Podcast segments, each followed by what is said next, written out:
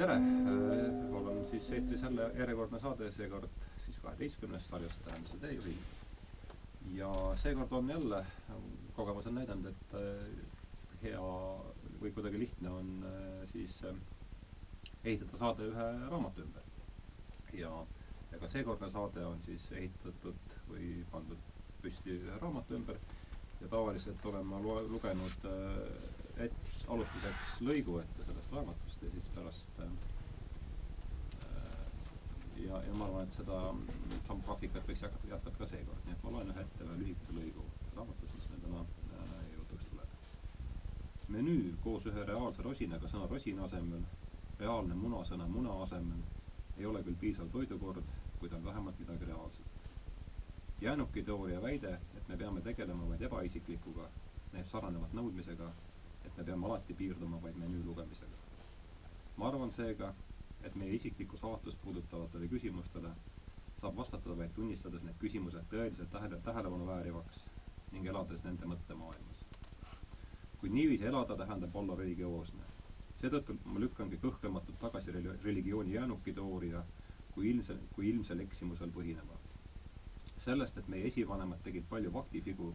faktivigu ning põimisid need religiooniga, ei järeldu, et peaksin igavesti loobuma religioossusest ainult religioossed olles võime saada osa, ainult religioossed olles võime saada osa tõelisest reaalsusest selle ainsas kokkupuutepunktist. meie põhimureks on ju lõppude lõpuks meie isiklik saatus. ma ei tea, kui paljud inimesed ära tundsid äh,, aga tegemist oli siis lõiguga William Jamesi mm, raamatust Usulise kogemuse mitmekesisus, uurimus inimloomusest, mis ilmus meil, millal see oli, on kellelgi minu peale peas see aastaarv on tulnud? viisteist vist oli. üheksasada viisteist? jaa, ma pakuks ka. midagi, midagi sinnakanti, jah? aa, jah, muidugi, jah. et siis äh, eesti keeles ilmus ta meil kaks tuhat kolmteist, aga siin ma vaatan, on tõlgitud välja, no see on jah väl-, väl-, see on see aastaarv, kus ta on välja, ühesõnaga ilmus ta siis möödunud sajandi alg-, sada aastat tagasi, üle saja aasta tagasi. ja minuga koos on siis seda raamatut täna stuudios arutamas äh, Jüri Allik, Teaduste Akadeemia liige, psühholoogia, psühholoogiaprofessor ja Toomas Paul, teoloog ja kirikuõpetaja. ja meil on väike struktuur ka siin, et äh, eelnevalt kokku lepitud sel asjal, et äh, räägime kõigepealt sellest, kes oli William James.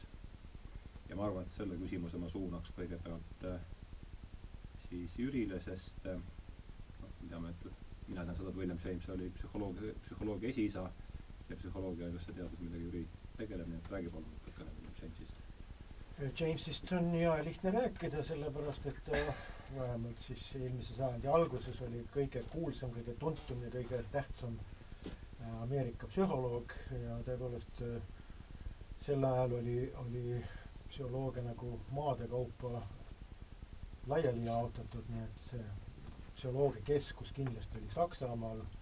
aga uus nii majanduslik kui poliitiline ja, ja muu jõud maailmas oli, olid Ameerika Ühendriigid ja võiks öelda ilma igasuguse niisuguse eksimise võimaluseta James oli see, kes rajas Ameerika psühholoogia, ta oli kõige tähtsama ülikooli äh, professor äh,, omas seal siis äh, psühholoogia professuuri, mis seda nimegi andis, sest Saksamaal väga paljud olid kas siis filosoofia nime all või siis äh, lausa arsti nime all. et äh, tema oli nagu väga selge see, kes siis psühholoogiale selle selge aluse pani. ja ma peaks ütlema, et, et, et on väga paljud inimesed, äh, teised, kes temaga koos olid, näiteks Stitchener ka Ameerikas kuigi ta oli britt, siis noh, tema on nagu unustuse hõlma vajunud ja tänapäeval vaevalt keegi kui see ole vist ajalookursus, tuletab meelde. aga Jamesiga on vastupidi, sest äh, ma olen lugenud viimase kümmekonna aasta jooksul mitmeid niisuguseid ülevaateid erinevatel teemadel, nagu näiteks see, mis on tähelepanu, see, mis on emotsioonid, ja seal on James olemas kui reaalne niisugune äh, mõtleja, kes on midagi olulist ja, ja märkimisväärset äh, teinud heli vist tuuakse ette. Nii, aga lähme siis noh, lähme edasi, siis noh, ilma kahtluseta James oli, oli eh, Ameerika esipsühholoog ja ka mujal maailmas oli ta väga tuntud ja mõjukas, võib-olla mitte niivõrd Saksamaal äh,. aga äh, mis tema nagu äh, positsiooni veel kindlustas lisaks siis see, et ta koolitas üliõpilasi ja omas õpilasi ja oli see, et ta kirjutas äh, küll umbes kümmekond aastat varem kui selle raamatu, millest me täna räägime, kirjutas ta psühholoogia printsiibid, äh, mis on, kui ma õieti mäletan, noh ligi tuhat lehekülge paks raamat ja ja ma olen seda isegi aeg-ajalt lugenud ja, ja mõned kohad tunduvad ikka väga niisugused arukad ja tundub, et ega me palju targemaks ei ole saanud, nii et ma olen väga suur Jamesi austaja ja arvan, et äh, ta oli inimene, kes väga tõsiselt ikka muuti, muutis kogu meie arusaama sellest, mis on inimene ja kuidas seda psühholoogia seisukohalt tasub või on võimalik mõista, nii et ta oli, ei ole mitte niisuguse äh, teisejärgulise inimese, vaid väga suure, suure mõtleja ja, ja, ja noh, Ameerikas kindlasti psühholoogia rajaja äh, mõtetega on tegemist no siia tuleks lisada see, et ta on filosoof. Pragmatismi esiisaks võiks teda lugeda, kuigi see ei ole tema loodud, aga jälle oli tema see, kes selle sõnastas, niisuguse radikaalse empirismi. ja isikuna ta on pööraselt põnev. üks muidugi on see, et ta jätkuvalt ka tema teaduslikud seisukohad väärivad lugemist, on ka see, et samas on ta nelja-viie kõige tähtsama fideisti hulgas. Tertullianus, Pascal, Kierkegaard, Wittgenstein ja James. defineeri, defineeriks selle mõiste fideist, mis äh, see sõna on fides, on usk ladina keeles ja see tähendab, äh, fides vastandatakse ratsiole aga mm. viimseni need, nii nagu ma nimetasin, needki nimed, nendel on seda raatsiot äh, rohkem kui keskmiselt, aga nad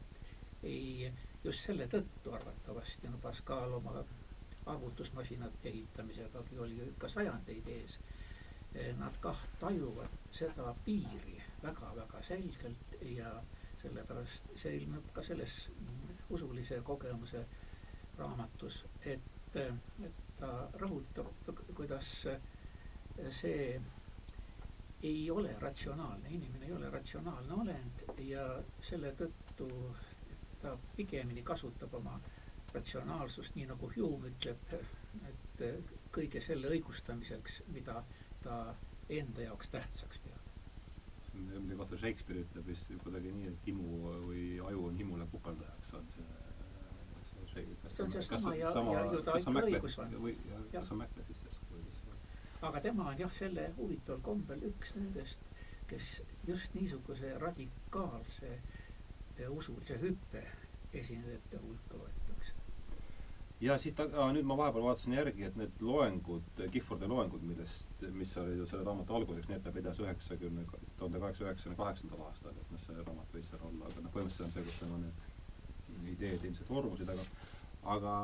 aga oluline näha see, et see pragmatism käis siit läbi, et kas, räägiks sellest ka natukene, et äh, võib-olla vähemalt ringist, et kuidas teie mõistate seda William Jamesi pragmatismi, et millele see vastandub, mida see, mida see üldse ütleb, ma arvan, et see on väga, selle usulise, eriti just selle raamatu puhul on pragmatism väga oluline selline. Ma jätaksin muidugi pragmatismi inimesele, kes seda palju paremini oskab defineerida ja mõista, aga üks asi, mis, mis psühholoogias on väga, väga selge, et kui me küsime, et, et kes on esimene psühholoog, kes on kogu oma seletuse süsteemi rajanud Darwinile, evolutsiooniõpetusele, et, et, et need mehhanismid, organid, psühholoogilised organid, ma mõtlen, mis inimesel on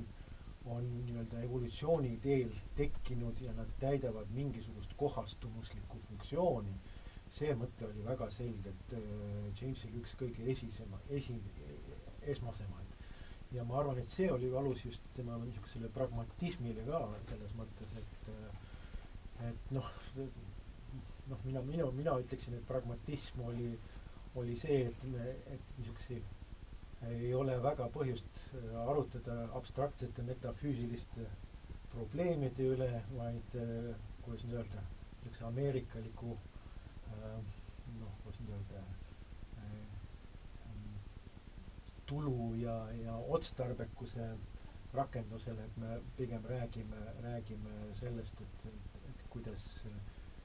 mis heaks või mi-, milliseks otstarbeks mingisugune mõttesüsteem või, või mõttearendus võiks olla. ja ma arvan, et see on just, tema pragmatism on minu meelest välja kasvanud just sellest evolutsioonilisest mm, lähenemisest. täitsa sada protsenti nõus sellega.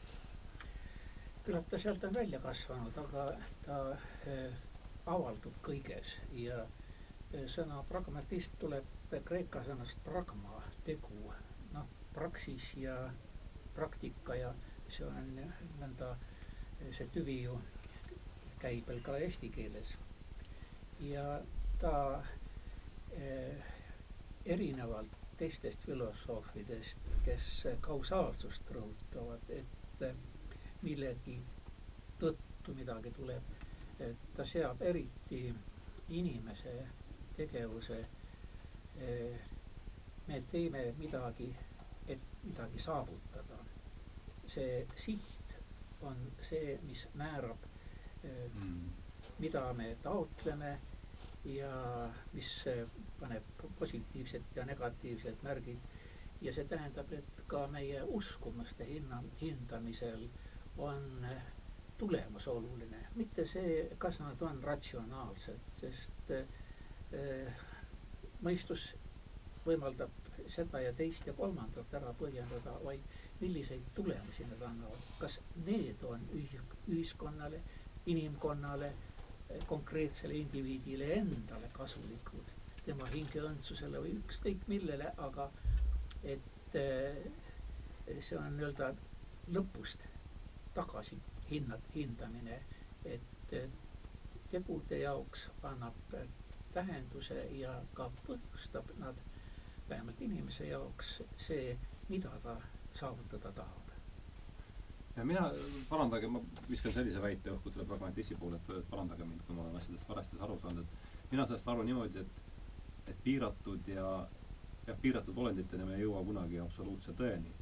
aga pragmatism ütleb, et me peame tõde vaatama selle konkreetse loo või mängu raames. Ja et niinimetatud lokaalsest tõest. Ja selle lokaalsuse määrab ära just see, et me liigume alati punktist A punkti B. Ja kui see mingi asi, mis selle mängu raames töötab, toob kaasa need toob kaasa need tagajärjed, mille poole me püüdleme, et siis see on selles lokaalses tähenduses tõde. kas ma olen valesti asjast aru saanud või suutsin ma seda no selles mõttes küll, et, et teda ei noh, religiooni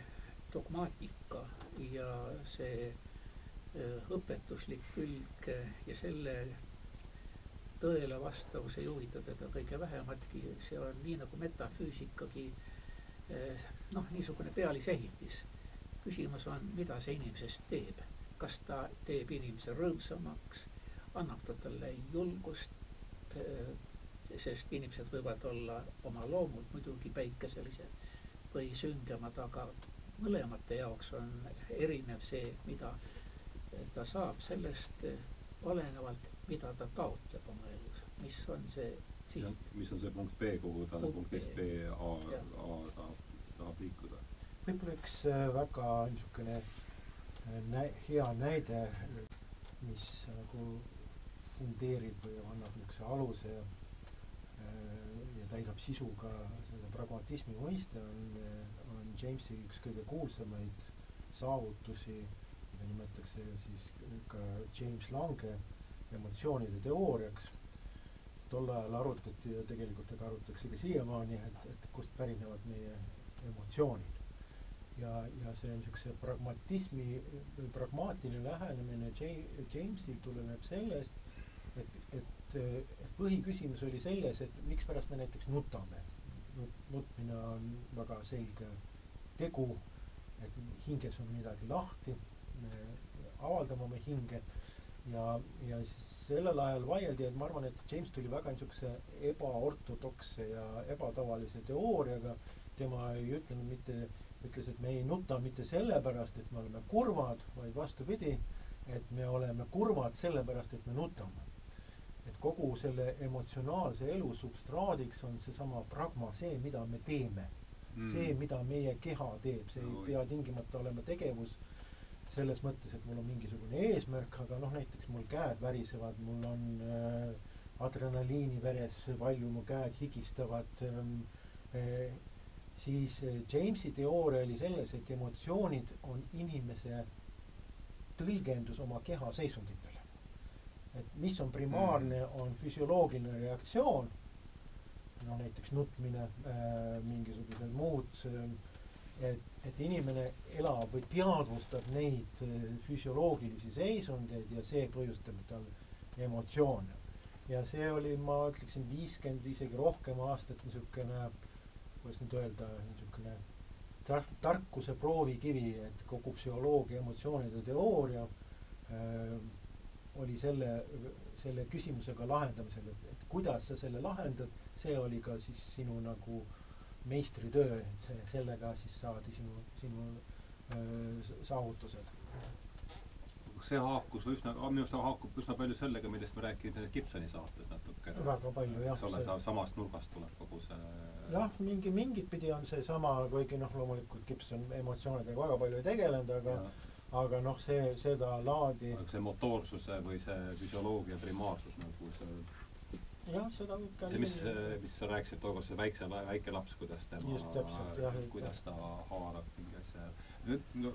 kuulajatele selgituseks, et äh, Jüri oli ka kuuendas saates, kus mõlemad, äh, nii Toomas kui, kui Jüri on meie saates juba varem käinud. et see konkreetne video oli saatele Poliitbüroo otsingute, kus me rääkisime James Gibsoni, oli, oli ta James, eks ole? James Gibsoni raamatust Visuaalne ökoloogiline kala- oh,. vabandust, vabandust, jah, ökoloogiline lähenemine emistajule. Toomas, lisada jätan vahele. kui ei, aga siis ma arvan, et me oleme selle pragmatismi noh, meil ei ole see aega sellega siin lõpmatult tegeleda, me oleme natukene mõistele mingi sisu omistanud, et minu arvates seda usulise kogemuse mitmekesisust tuleks vaadata, väga oluline see pragmatistlik vundament siin äh, ära piiritleda. Lähme võib-olla raamatu juurde edasi, et äh, no tegemist on religiooni psühholoogilise raamatuga. noh, suuresti ma kujutan ette, eks, et me võime sellise žanri vaadata siin panna, et et mis laadi raamatus siis usulise kogemuse mitmekesisus on ja alustame siin Toomasest.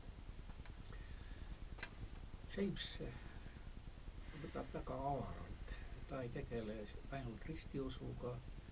vaid kõikmõeldavad maailma religioonid ja ta keskendub äh, looja natuuridele. tavausklik, see, kes võtab äh, komplekti üle, ei paku mitte midagi huvitavat, vaid pakub huvi kas siis religiooni looja, nii nagu Muhamed, või siis niisuguse liikumise looja nagu George Fox või Wesley või väiksemad vennad ka. igal juhul see, kes sõnastab, kelle enda elamus on, eh, nii nagu äh, selle teooria jaoks on pisarad enne ja siis alles kurbus, nii on siin ka usuline kogemus enne, Jumala kogemus on enne ja siis inimene ehitab selle ümber raamid, mismoodi ta seda teistele edastab, mismoodi ta seda enda jaoks mõistab, kas siis on see müsteerium tremendum, jumal, kelle eest ta jääb pärisema või fascinants, imetlema või armastama e,. igal juhul e, see raamat on mitmesaja eri inimese väga äärmuslike inimeste usulise kogemuse niimoodi mitte segi läbi, vaid teatud rühmitustega kaupa eh, analüüs ja ta on suurepärane lugemine sellepärast, et eh, teooriat on suht vähe.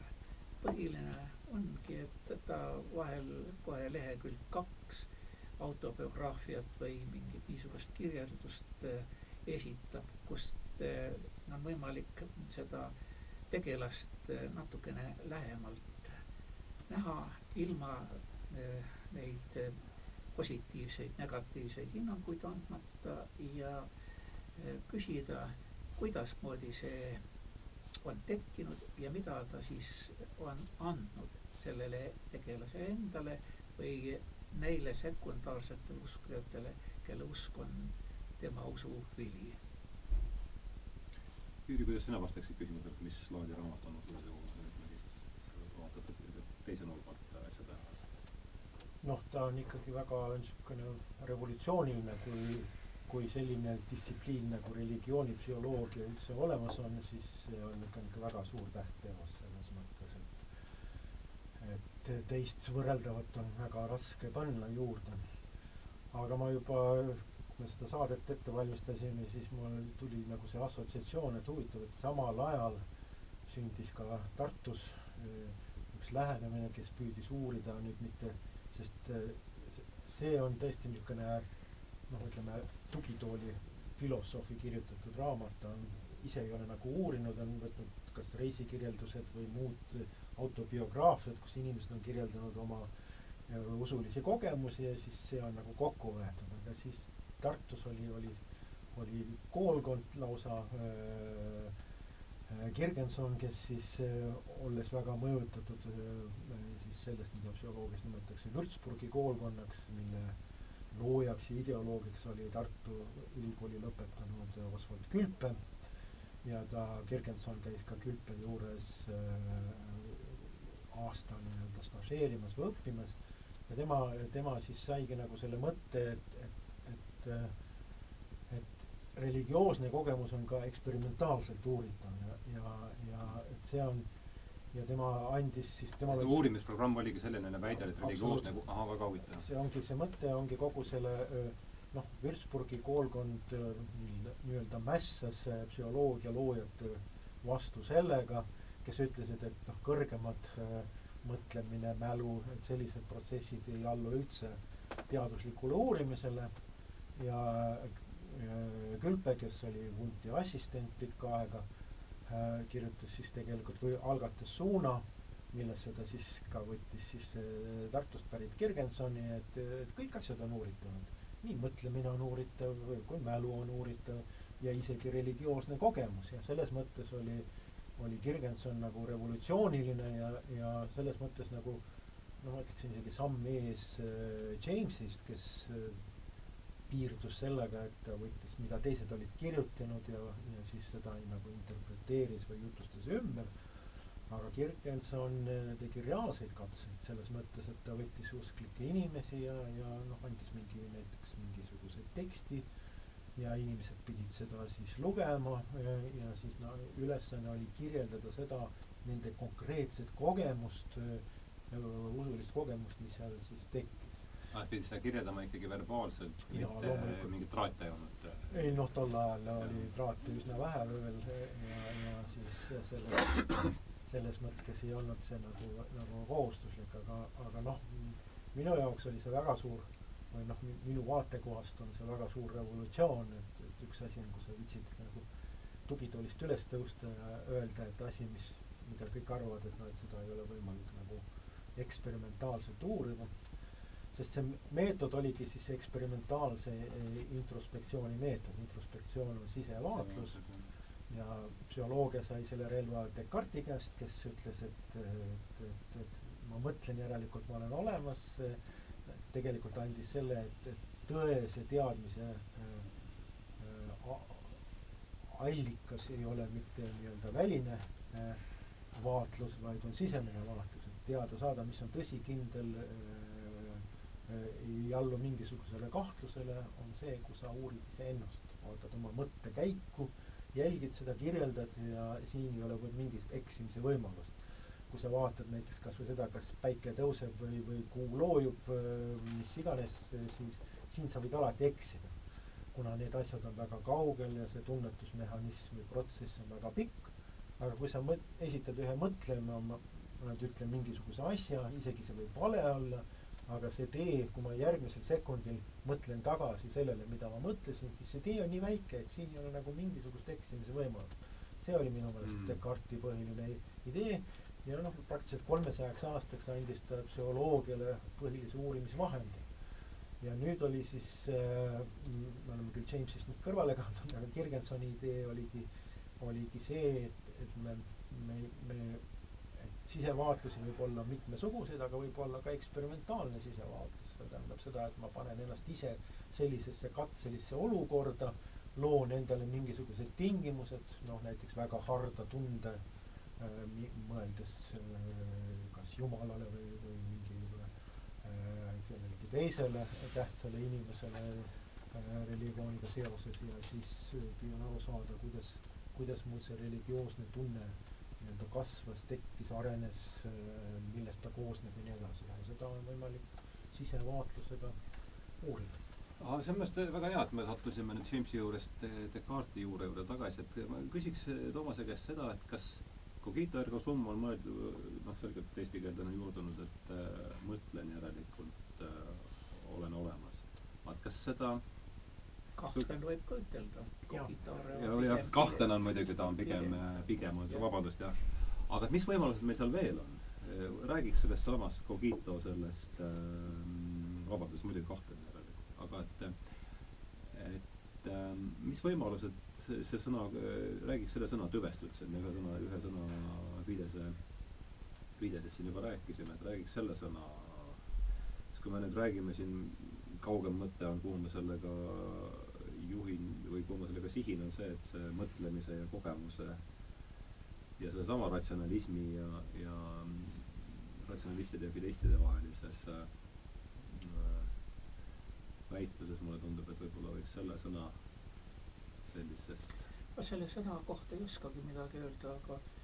eh, kui mina eh, teoloogiat õppisin, siis oli kohustuslik peale Denmani üldise usundi psühholoogia, mis on pigem ülevaateteos eh,. William James, see oli, lugesin teda saksa keeles, tol ajal ma noh, kogu teoloogia õppimine käiski saksa keeles. Eesti keeles oli suht vähe asju ja proovisin Kirgensoniga lugeda, aga ma tunnistan, et oli, tuli paks raamat ja, ja väga igav ja trafaretne võrreldes selle värvika paletiga, mida pakub James, kus eh, on kõik need epileptikud ja skisofreenikud ja, ja kõikvõimalikud eh, psühhopaadid selle kõrval see, mida inimene, kui talle antakse lauluraamatu salmid, mida ta kirjutab, et ta tunneb. Nii et Starbook oli veel kolmas raamat, mida lugema pidas, see oli sellest. see on see, millele tema palju viitab, mida ta siin oma no, raamatus viitab. mis temale mõjus, aga mis, mis niimoodi ka oli omast kohast ju minu teada revolutsiooniline, et ta noh korjas neid pöördumise elamusi ja, ja analüüsis seda, mismoodi mitte niisugused normaalsed usulised hardustunded võiksid noh, verbaalse väljenduse leida, vaid mil kombel inimene kogeb elu muutvat puudutust, on ta siis väline või sisemine või ühesõnaga need kolm raamatut olid, aga pikk aeg sellest on juba oma tublisti üle viiekümne aasta mööda, need Jamesi oleme nüüd lugenud, aga need teised, teised on jäänud sinna kunagisse stuudiumi aega. nii et selle kogitu kohta ei oskagi midagi öelda. aga see on muidugi väga oluline, et, et kui suur on äh, kellegi psühholoogi äh, nii-öelda tähtsus või tema suurus äh, sõltuvalt sellest, kuidas ta oskas kirjutada see on irooniliselt on paljud inimesed öelnud, et, et William James oli palju parem kui tema vennast kirjanik Henry James ja see kuulus lause, et ma eelistaksin seal ükskõik midagi muud kui sellele paradiisile, kus iga päev Henry Jamesi mulle ette loetakse, siis see on ikka hästi kuulus, nii et võrreldes jah. äh, äh, aga ma arvan, sama on ka äh, Sigmund Freudiga, sellest Freudi noh, sisu mina olen väga kriitiline olnud selle ja kirjutanud sellest, aga, aga ma arvan, et kirjanikuna oli ta ikkagi täitsa suurepärane, ega ta ilmaasjata Goethe ja, auhinna ei saanud äh, omal ajal, nii et ma arvan, James võiks, oleks võinud ka väga vabalt saada niisuguse literatuurse, sest see nii, nii see psühholoogia printsiibid kui ka see usulise kogemuse raamat on, on tõesti väga hästi kirjutatud just, just ja ma ei ole Kirgensoni kunagi lugenud, ma ütlen ausalt, aga, aga, aga, aga James on tõesti, loed nagu, nagu niisugust noh, mitte reisiraamatut, aga niisugust põnevat väga kaasaarvat, põnevad tegelased, noh, epileptikud ja kõik muud, eks ole, ja ja võrreldes sellega jah, ma kujutan ette niisugune, kui sa oled niisugune, niisugune pedantne, aga igav, et siis võrreldes sellega on, ma olen äh, väga seda meelt, et James tegi väga õieti, et ta hästi kirjutas. suutis kirjutada, jah. aga nii äh, kogemus tundub, jah, et ütleme, see, see mõjus mulle int-, tuleme selle fideistide ja ratsionalistide, võib, võib sellise paari siin moodustada või? mis meil siin alguses käis, mis meil siin vestluse alguses käis läbi, tuleks võib-olla selle, mulle tundub, et see annab ühe nurga, kus, kus kandi, kus kandis selle raamatu juurde nagu tulla, et võib-olla selgitaks seda, seda vastuolu või ütleme, seda vastasseisu võib-olla veel lähemalt, et James räägib ju kogemusest, eks, mis on äh... no fideist on sõna, mida võiks pidada sõimusõnaks. nii nagu kveeker, väriseja, oli sõimusõna, mida teised nende kohta kasutasid, aga kuna nad olid piisava huumorimeelega, siis nad hakkasid iseendast kohta seda tarvitama. aga seda sõna kasutavad ainult entsüklopeediad ja ta ei Fideismi ole siis või fideisti? fideist. Ja, ja seda enda kohta ei ole keegi kasutanud ja mine sa tea, kas ka Wittgenstein olekski nii väga õnnelik, kui talle seda öeldaks, sest võtame selle seltskonna veel kokku, need nimed, kes seal, kes selles, kes No, selle eh, vihmavarju alla lähevad? patriark on teise sajandi lõpu üks eh, ladina kirikuisasid, enamik on Kreeka kirikuisad, sest nad kirjutavad eh, kreeka keeles. Aga Põhja-Aafrikas oli esimesed Tertullianus ja, ja siis Augustinus ja noh, sealt tulevad siis lõppude lõpuks ka ladina keelt tarvitavad teoloogid. ja tema on äh, noh, kõige kuulsam lause, mida ta ei ole ütelnud, aga mida talle on eh, pidevalt kaela määritud, credo quia absurdum est. see on Tertullian? See on Tertullianus. Tertullianus sul? jaa, aga tähendab, tal on see selles kontekstis, et äh, ma kirjutasin just Lev Šestovi raamatule Hiobi vaekaussidel saata sõna ja Šestov on niisugune mees, kes Tertullianuse seda tegelikku lauset, mis Decarne Christis ta ütleb, mis on liiga pikk, kuigi Šestov ütleb, et seda peaks iga päev mõtlev inimene viis-kuus korda vähemalt lugema. et see, mis on just Kristust puudutav, et mis on häbistav ei ole häbistamise väärt, mis on võimatu, see on võimalik ja noh, ühesõnaga ta ei ole niisugune üldine sentents ja selles mõttes ta muutubki pigemini Tertullianust alandavaks, sest ta ei üldista, vaid ta ikkagi räägib väga konkreetsest asjast ja seal pöörab asjad teisipidiseks. nii et tema on see, kelle, kes pannakse alati selleks esimeseks ja siis on Pascal, kes oli matemaatik, aga kellel olid ka väga tugevad müstilised elamused ja kes oma kihlveo jutuga ja selle hüppe, see tuleb ju mingil kombel ka Jamesi puhul välja, et sa pead otsustama siis, kui sul enam kuskile pääsu ei ole mina ise paneksin sinna fideistide hulka ka Šestovi ja Unamuno näiteks, kes, kes noh, tegelikult kah, kelle mõtlemise viis on sarnane. või siis Kierkegaard ja, ja noh, siis ongi need tänapäeva mehed, Wittgenstein ja, ja James. nii et ne, nende äh, kõigele oma suurele mõtlemisvõimele nad äh, selle piirideni minnes äh, teevad hüppe. tunnevad, et kuristik on ja ei ole muud pääsu, kui lasta lahti sellest näivast. ja saab siis, mis saab.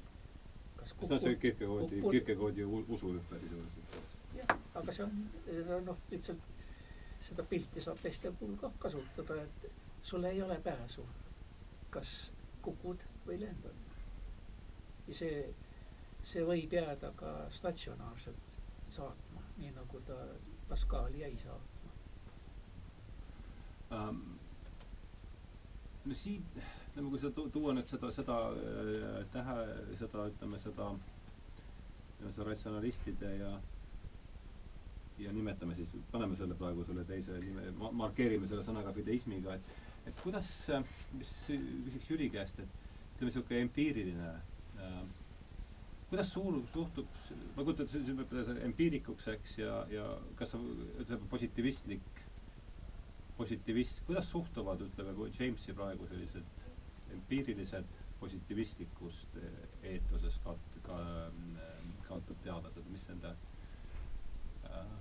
ma arvan, et mitte kuidagi, selles mõttes, et noh, et äh,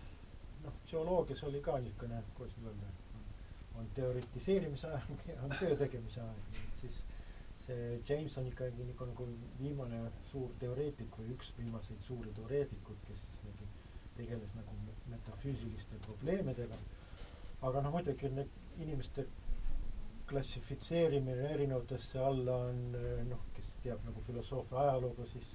siis sama hästi võib ka äh, Wittgensteinil kuhugi veel, veel vähemalt viide erinevasse suunda suunata, nii nagu ka nagu Jamesi no,. pragmatism oli lõpuks. Aga noh, ma üks, tähendab, mida nad kõik esindasid mingil vi viisil ja ma arvan, et kogu see psühholoogia ise tekkis äh, suurest lainest, mida on võib-olla kõige parem äh, kokku võtta mõistega nagu positiivism just, just, just. et see, see noh, see, selles ei ole kahtlust ja kui lugeda nagu seda ka ise asjaolu, asja, asja, asjaosalisi ja, ja filosoofia ja psühholoogia ajaloolasi, siis siis võiks öelda niimoodi, et, sellel ajal, kui James need oma põhiteosed kirjutas, olid kõik positiivistid, tähendab niisugust asja noh, kedagi, kes, kes sealt nagu sellest progressiivsest, edumeelsest äh, hoovusest välja jäi, neid oli väga-väga vähe, väga vähe. Ja selle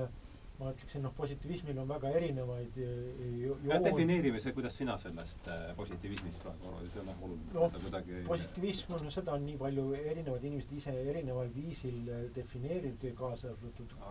defineerime ta selle vestluse baasil vähemasti ära, muidu veel siis saaks aru, millest me üldse räägime. ma arvan, et see põhiline rõhk äh, vähemalt psühholoogias oli see, et meil ei ole põhjust tegeleda noh, kuidas nii-öelda metafüüsiliste abstraktsete aruteludega selle üle, noh näiteks mis on hing või, või mis on, mis on näiteks südametunnistus või mingisugused keerulised mõisted, et, et me oleme nii-öelda, tegelema sellega, mida me suudame defineerida, defi-, te, tegeleme sellega, mida me äh, mida me näeme, mida me oskame analüüsida, ehk teiste sõnadega oleme positiivsed, ärme, ärme tegeleme tühjade, tühjade mõistetega, vaid püüame edasi minna. ja see positiivism ei ole mitte ainult filosoofias, mitte ainult psühholoogias, vaid on tegelikult kogu teaduses, selles mõttes, kui me vaatame kaasaegse füüsika teket, siis kõik tunnistavad, nii Albert Einstein kui tunnistavad, et Machi füüsika ajalugu kus ta esimesena ütles, et Newtoni välja mõeldud absoluutne ruum ja aeg, mis olid nii-öelda nagu jumala atribuudid, et neid ei ole teaduses üldse vaja, me saame täiesti vabalt neist hakkama ja, ja võiks öelda, et, et seda, mida ei ole võimalik näpuga osutada, mida ei saa otseselt mõõta, et ärme nendest asjadest üldse räägi, tegeleme sellega, mis on, mis on meie Äh, kui surelikke äh, otseses võimuses ja ja ma arvan, et see on võib-olla üks see kõige olulisem vähemalt psühholoogia suuna pealt, mida, mida see positiivism, sest ärme unustame seda, et äh, kohe, kohe peale, kohe peale Jamesi tuleb Ameerika psühholoogias suund, mida nimetatakse behaviorismiks mm., mis ütleb seda, et me peame, et kõik need, need asjad, mida me saame sisevaatluse tulemusel, mõistus, aru, mis iganes, et, noh kui see on ainult inimese subjektiivne raport, et ma nüüd mõtlesin niisuguse mõtte, siis noh, see oli, oli öeldud, et noh, kui me tahame olla positiivsed, kui me tahame olla sarnased füüsikutele, keemikutele, siis me, siis me ei saa usaldada seda, mida inimene iseenda kohta räägib. see, et ta vajutab mingisugusele nupule, see, et ta nõristab sülge, et ta teeb mingisuguseid, tal käed värisevad, et see on ainus teadmine, see oli, see oligi behaviorismi äh, mis on, kas, kas, võiks siis öelda nii, et behaviorism on märksa kaugemale viidud positiivism? no ta on ikkagi niimoodi absurdini viidud, see on selles, et sest noh, seal nagu üks, üks asi, noh, ega, ega näiteks füüsikas on lõpmatu arv suurusi, mida ei jälgita, noh näiteks masskese, eks ole, on mingisugune maa või, või, või, või see, et ega keegi seda maa keskkohta ei ole kunagi näinud ja seda äh, otseselt ühegi instrumendiga reaalselt mõõta ei ole. nii et äh, füüsikal ei olnud mingit probleemi sellest, et tal olid mitte jälgitavad elemendid, aga psühholoogias, äh, oli ka rohkem nii-öelda nagu show ja ja, ja avalikkuse mõjutamisel oli öelnud, et me saame tegeleda ainult seda, mida me otseselt näeme. mis oli muidugi väga rumal ja, ja väga kitsarinnaline, aga noh, oli terve pikk periood, kus sellega ainult niimoodi tegeleti. Toomas äh,, James positiivism, kuidas ja, ja kogu see, millest see temaatika, mida Jüri puudutas praegu, et kuidas tema raamat tegelebki ainult natuke laiemalt võetud kogemusega. nii et ta ei eh, elimineeri seda sisekogemust, vaid see on talle samasugune fakt. aga positiivism on ta, positiivist on ta selles mõttes, et äh, järeldust, mis siit sealt, sellest teha võiks, et ta need hülgab. ta äh, peab reaalseks äh, ja selles mõttes on ta palju realistlikum kui behavioristid. et ta just nendele kogemustele pöörabki tähelepanu, küsimata, mis selle taga on aga kui kogemus olemas on, siis on ta tema jaoks analüüsitav. see, et võib-olla kuulajad nagu ei taipa, et, et mis siis, mida see behaviorism tegelikult tegi. behaviorism tegelikult muutis ära selle subjekti, keda mõõdeti. sest ega behaviorismi uurimisobjektiks ei olnud enam inimene. sellepärast, et kuna põhiväide oli selles, et inimese ja looma tavalise Norra roti erinevus äh, on ainult nii-öelda mitte kvalitatiivne, vaid kvantitatiivne. Äh, kuigi see tänapäeval tundub nagu väga rumal, sest ükski Norra rott ei ole äh, või lihtsalt rott ei ole kunagi inimkeelt kõnelenud ja ja, ja aga, aga, aga behaviorismi põhidoktriin oligi selles, et noh, et ega looma ja inimese vahel suurt mingit vahet ei ole. ja selles mõttes on palju lihtsam uurida ju laboris rotte kui see ja nii et Ameerika psühholoogia läks mitmekümneks aastaks, isegi rohkem, läks äh, nii-öelda lihtsama vastupanu teed, sest äh,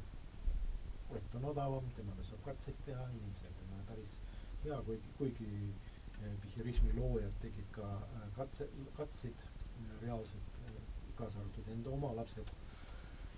näiteks äh, Watson, kes äh, pihhirismi rajas, arvas, et, et on väga hea oma tütar näiteks panna niisugusesse kasti, kust ainult väikse luubi kaudu on tore vaadata, mis ta seal sees teeb, nii et jah. aga, aga see oli väga, väga kontseptuaalne, põhimõtteline äh, äh, muutus nii-öelda noh, need ise ütlesid, et see on vaimude väljaajamine psühholoogiast, eks ole mm.. Äh, igasuguse metafüüsika. iga, igasuguse, igasuguse va vaimu, ükskõik mis tähenduse me sellele anname ja kui raske oli seda tagasi tuua, see oli ikka meeletu võitlus selles mõttes, et kui keegi julges öelda, et et meil on peas kujutlused, et meil on mingisugused, mingisugused pildid peas, noh. Pihhurismi põhivastus oli see, et kas keegi on seda pilti näinud, eks ole, no ei ole, et siis järelikult teda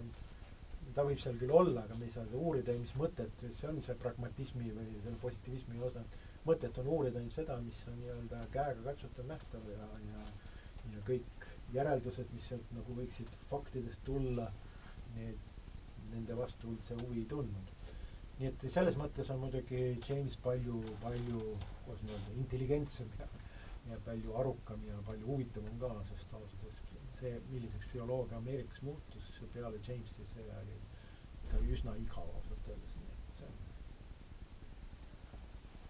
Nii, me oleme siis, räägime täna äh, kes meid on nüüd ähm, poole pealt kuulama hakanud William Jamesi raamatust äh, Usulise kogemuse mitmekesisus ja siis Toomase käest, et kuidas James defineerib religioossust. tähendab, ma olen kuulnud tihti inimesi rääkimas, et mul ei ole nagu, mul ei ole usuga probleeme, aga mul on religiooniga probleem või on see jälle vastupidi. Et inimesed tõmbavad vahe justkui usu ja religiooni vahele et eh, loomulikult see on kõik, me omistame sõnud, sõnadele oma, oma tähendusi, aga et et siis võib-olla kaks küsimust koos, et, et kuidas James raamatus defineerib eh, usulist või religioosset kogemust ja kas, kas, et kuivõrd, kuivõrd sa näed selles ähm, nende kahe, kahe mõiste vahel üldse vahet ja pead otstarbekaks seda teha,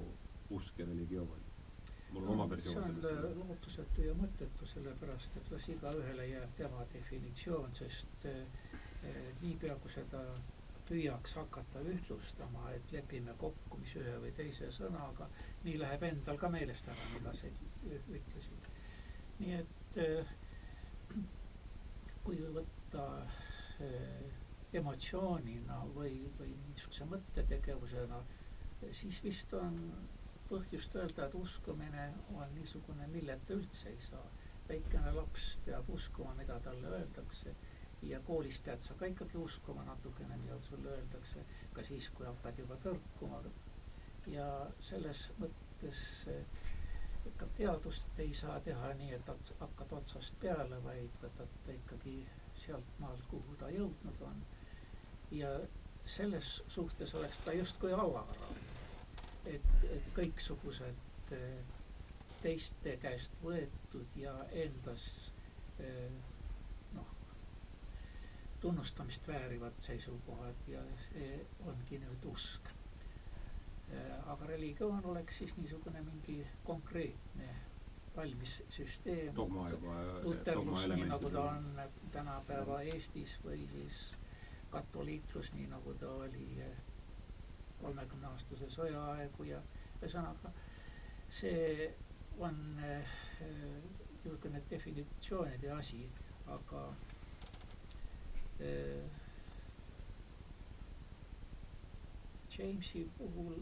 on nii, et seal on, tal on, see on vist, küll oli selles pragmatismi raamatus mis äh, mulle tundus niisugune äh, mida väga ei rõhutata, see on tahe uskuda. Will to believe. Mm. see tähendab eh, see, mis talle, no see on teie olete niikuinii nüüd omad, noh, ja võib-olla objektiivsemad, aga mulle tundus, et ta põhjendab muuhulgas ära ka oma uskumise, et kuna kõik on ühtpidi võrdväärsed, meil ei ole väljapoolt kriteeriume võtta, mis süsteeme võrrelda aitaksid, siis lõppude lõpuks määrab ära see, kas sa otsustad. siis, kui kõik mõttetu näib, kas sa ikkagi otsustad, et äh, sellel mõte on, kas sa oled äh, stoik ja fatalist lihtsalt sellepärast, et kuhugi pääsu ei ole või kuigi Walt Whitmani suguseks ei saa eh,, oled sa valmis olema optimism, võttes ka seda, mm, mis halvasti läheb, öeldes, et mingis mõttes on seegi võimalik kasuks pöörata kas või ainult subjektiivses mõttes, et äh, sa suhtud ellu nõndamoodi, et äh, see, see tahe uskuda ja uskuda sellesse, et äh, mõte on mitte niivõrd, niivõrd see metafüüsika, kuivõrd see siht, eesmärk, midagi niisugust on võimalik leida, mis, mis annab tahtmise edasi elada, nähtavasti see ei puuduta kõiki inimesi, vaid ikkagi niisuguseid nagu tema ja mina, kes on sellel piiri peal seisnud ja küsib, kas on mõtet, kas, kas on või ei ole. et siis, siis on see tahe uskuda, ma usun, aita mind uskmatuseski, nii nagu see piibellik paradigma on. aga no muidugi see absoluutselt paks raamat ei ammenda seda, aga ma nüüd praegu rääkisin selle külje, mida, mis mu meelest on üheks nendest miitidest, mis seda Kirill Paletti William Endaga ühendab. ja, ja. üks väike niisugune täpsustus nii see on asi, mida ma psühholoogiat õpetades alati olen kogenud, et väga paljud mis on nagu äh, teaduslikud terminid on ka igapäevasel käibes, siis nii-öelda usul ja usul on vahe, et see on väga mitme, mitmepalgeline sõna näiteks. ja jutt ei ole ilmselt sellest usust, et, et näiteks ma usun, et see uks ei ole lahti ja ma lähen, vajutan lingile ja pääsen uksest välja. see on ka usk, aga, aga me ei räägi sellest nii-öelda igapäevasest äh,, igapäevaste asjade uskus, usust, et kas, kas klaas kuk-, läheb puruks, kui ta maha kivi peale kukub või mitte, vaid küsimus on ikka nagu põhimõttelistest viisidest, kuidas maailm on korraldatud. Sellest, kas on olemas saatus ja kas on olemas mingisugune äh, ja nendest siin raamatus jutt käib, eks. ja see on, ja kui me räägime ja, ja noh, selles mõttes on loomulikult, et see, et nendes põhimõttelistes asjades on siis kuna religioon ongi põhimõttelistest asjadest, mitte sellest, kas uksed on lukus või lahti, vaid, vaid põhimõttelistes asjades, kuidas elu on korraldatud. või millest maailm koosneb. kuidas maailm koosneb, nii et, nii et selles mõttes ma olen muidugi täiesti nõus, et see, et sellel niisugusel põhimõtete tasemel on, see noh, pigem nagu kõnepruuk. et see inimene võib uskuda näiteks mingisugusesse kõige vägevamasse jõusse, mis määrab inimese saatuse ja olemata ei kristlane või katoliiklane ja ükskõik mingi muu konfessiooni liige, aga see ei võta teda ära, et tal on usk, et sellesse, selle usu ja religiooni vahe on niisugune noh, pigem niisugune kokkuleppeline või, või siis organisatoorne ja ma arvan jah, ta ju rõhutab ka, et tema selles raamatus, ta ei räägi absoluutselt religioonist kui dogmast või sellest, mis sinna institutsioonide peale tuleb, vaid ta räägib iga siis just nende religiooni asutajate vahetust isiklikust kogemusest, saan ma õigesti aru? jah, ta teadlikult jätab kõik selle kõrvale, millega Kirgenson tegeleb. jah, see oli kuna see oli nii igav jah nii, aga jah, mulle tundub, et tundelaadilt võib-olla kõige rohkem haakub see William Jamesi raamatule Camus Sisyphuse, Sisyphuse müüdiga, et see esimene, millest ka Williamson kirjutab, enesetapu teema on tal ju olnud äh,, ta on seal, kus, kus ta siin oli, see, ma peast ei mäleta, aga ei jõudnud vaadata ka, et, et ma see on läbivalt. Ei ole nüüd väga rõhutatud, aga ja tal on tõsi taga olnud selle raamatu kirjutamisel päris selgelt. kui seda oled teadvustanud, siis tunned ära need kohad, kus ta sellest räägib, ilma et ta seda sõna suhu võtaks. jah, aga ta kirjutas minu meelest, et veel kord, et ähm, kirjutab ka, aga ja ta eraldi, eraldi lausa sellest.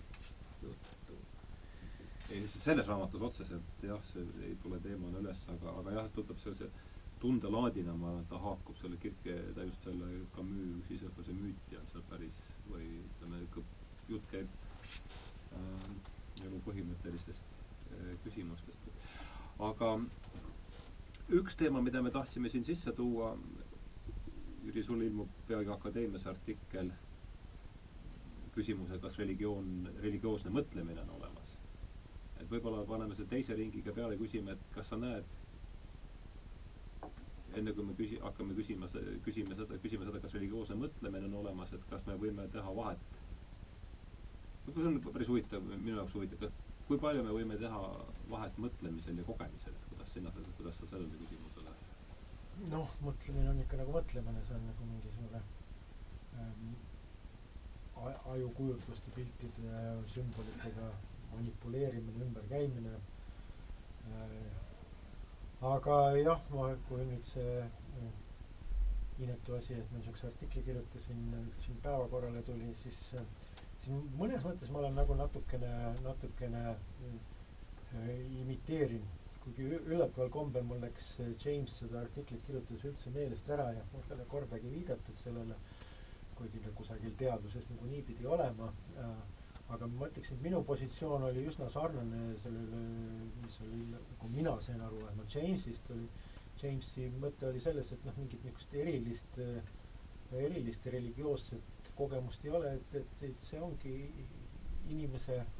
inimese imelikud kogemused ongi see, mis on selle, selle aluseks, et seda ainult osa neid siis tõlgendatakse niimoodi. Ja ja mis minu järeldus oli ka selles, et noh, ma ei ole siiamaani näinud ja ma ei kujuta ette, kuidas seda võiks üldse mõelda, et siis nagu oleks mingi eriline religioosne mõtlemine, et, et minu, minu seisukoht on see, et ma ei näe ühtegi ma ei näe ühtegi reaalset võimalust, mis oleks nagu mõistlik ja arusaadav, kui, kui ma ütleksin, et religioossel mõtlemisel on, on, on mingisugune eriline staatus, et ta on teistest mõtlemistest kuidagi erinev. Minu, väide on selles ja selles mõttes mulle tundub, et ma olen väga, väga Jamesi-meelne inimene, et, et, et, et, ka, et vaatame seda, kuidas inimene mõtleb või siis vaatame, milliseid imelikke kogemusi inimesel on, et ja küll me nendest kogemustest siis äh, püüame aru saada ja tuletada, kust siis näiteks selle religioossed mõtted või religioossed tunded tekivad, nii et selles ei ole nagu ühesõnaga ajus ei ole niisugust erilist keskust, kus, kus siis nüüd see religioon tuleb. kõik, kõik head ja pahad asjad, mis tulevad nii kogemusest kui ka mõtlemisest, äh, võivad olla religiooniga seotud, aga ei pea olema sellega seotud.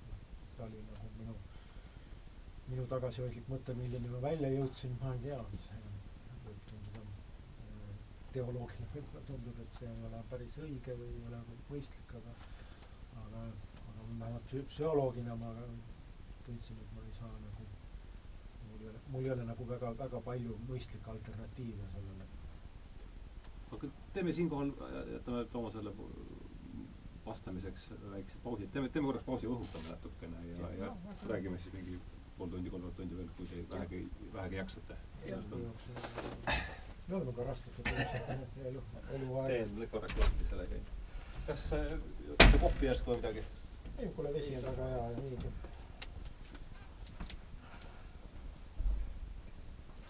Kuna äh, saates seda ei saa küsida, siis ma küsin vahetunni ajal. Te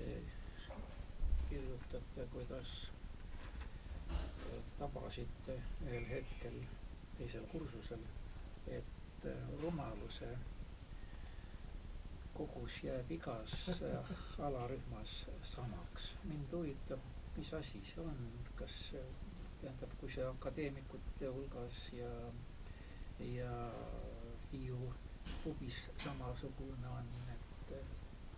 et mida sel-, see oli no see, see, see rohkem oli ikka nali, ega see päris tõsi, see ei ole ikka nagu tõsine väide selles mõttes. seda ma arvasin. jah, et see, see oli meil niisugune, vot see oli niisugune kogemus selles mõttes, et ja. mitte küll religioosne, aga sest minu pinginaaber ja hea sõber oli Andrus Park, kes hiljem sai siis, alguses oli Pork ja siis sai ta Pargiks, aga ja ja, ja me oleme tõesti väga niisugused, kui mul üldse keegi on nagu südamesõber või niisugune hingesugulane olnud, siis me olime tõesti väga see. Ja me tundsime ennast keskkoolis väga ebamugavalt, sest noh, õpetajad ei olnud kõige targemad ja, ja teemad olid igavad ja me kogu aeg lootsime, et noh, et me saime koos ilusti ülikooli sisse, tekkis kohe väga tore sõprusringkond seal alates Jüri Kivimäest ja lõpetades seal, ma ei tea, Kauri Ostranaga või kellega iganes. ja, ja siis, eh, siis me lootsime, et noh, et, et noh, et ülikoolis on siis no, palju, kõik on targad, eks ole. ma mäletan, et ma olin esimesel kursusel, meil oli siis esimene vastuvõtt oli siis kõik tõusid püsti, et mina no,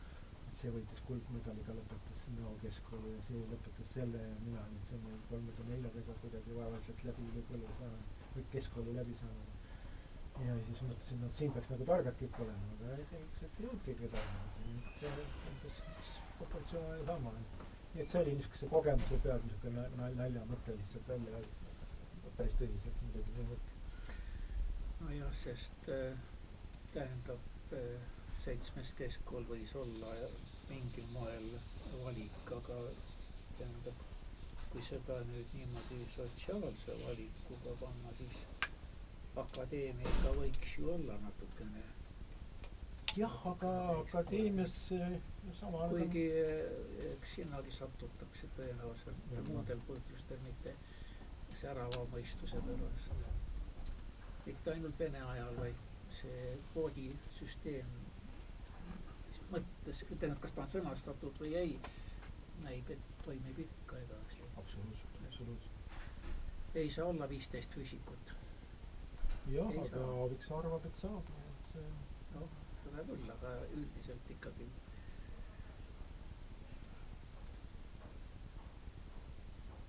jah, ei, noh, siin on see, kõneks päevapoliitikat on jah, selles valimistes seal niimoodi ja siis see kohe eh, kanaliseerub eh, siis Tallinn-Tartu vastandusse ja eh, Tehnikaülikool, Tartu Ülikool. Ja noh, Aaviksoo blokeeris siin selle, selle etaagi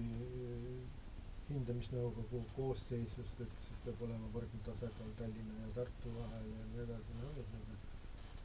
nii et jah leiab ikka kriteeriume, mille põhjal. absoluutselt. ma korraks. katsun üles leida selle, see vanameeste häda.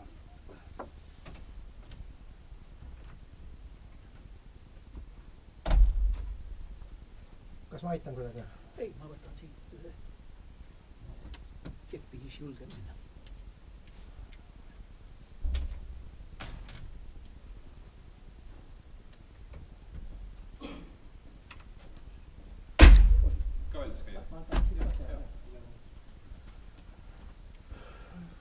tundub siiani? ei, minul on päris lõbus nii, et noh, et oleks, oleks rohkem aega ette valmistada, aga vot noh. ega noh, ausalt öeldes ka ma korra ainult vaatasin nagu, lugesin mõnest siit ja sealt natuke Jamesi, ega ma päris aega ei olnudki seda lugeda. aga no nii ongi, ega siis, eh, vaatan, kus ma selle. sest ega ma sest mina sain temast teada seda vist, ma mäletan väga hästi, oli äh, ma arvasin, et ma teadsin Jamesi juba piisavalt, olin mõnda asja lugenud ja siis Peeter Tulviste vist psühholoogia ajaloo loengutes pühendas äh, hästi suure lõigu sellele legiooni asjale, noh, kuna see läheb nagu see metslaste mõtlemisega natuke kokku, siis see oli nagu tema enda teema, mis sellepärast ah, tema õige jah, seal sinus artiklis oli see metslast, see oli väga ah,, vot selle võiks võtta, sellest vaata, mis Toomas vastab selle religioosse kogemuse ja religioosse mõtlemise peale. Ja siis räägime sellest abstraktsest ja, ja konkreetsest mõtlemisest, ma arvan, et see on ähm, noh, tegelikult James, noh, see, et ma Jamesi välja unustasin sealt artiklist, on muidugi minu süü, aga siis noh, ta loogiliselt läheb sinna, sest ta oli kogu aeg nii, kuigi noh, ütleme Levi Brühl ja kõik need tulid siis sealt äh, mujalt, aga, aga aga noh, ma arvan, et see oli nagu ikkagi üks mõt-, mõttevool, milles, milles ta nagu elas ja tegutses, nii et see ei ole nagu. ütleme nii, et üles seda, kuidas sa otsid nagu. Mm-hmm.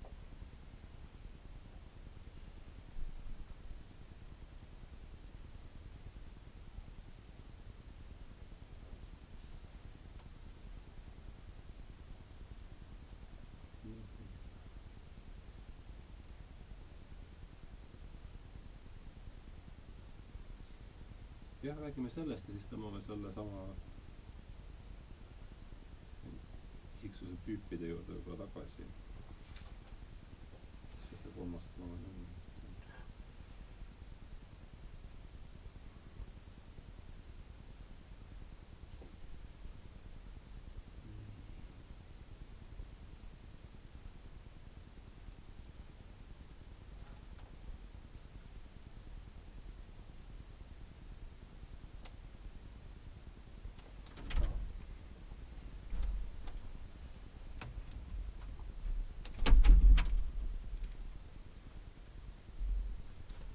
aa, ma pidasin seda silmas, tuhat kaheksasada üheksakümmend viis peab William James Harvardi ülikooli noortemeeste kristlikus ülingus loengu, kas, loengu enesetapust, kas elu on väärt elamist, et see on otse Camus. seda ma pidasin silmas, kui ma rääkisin, et see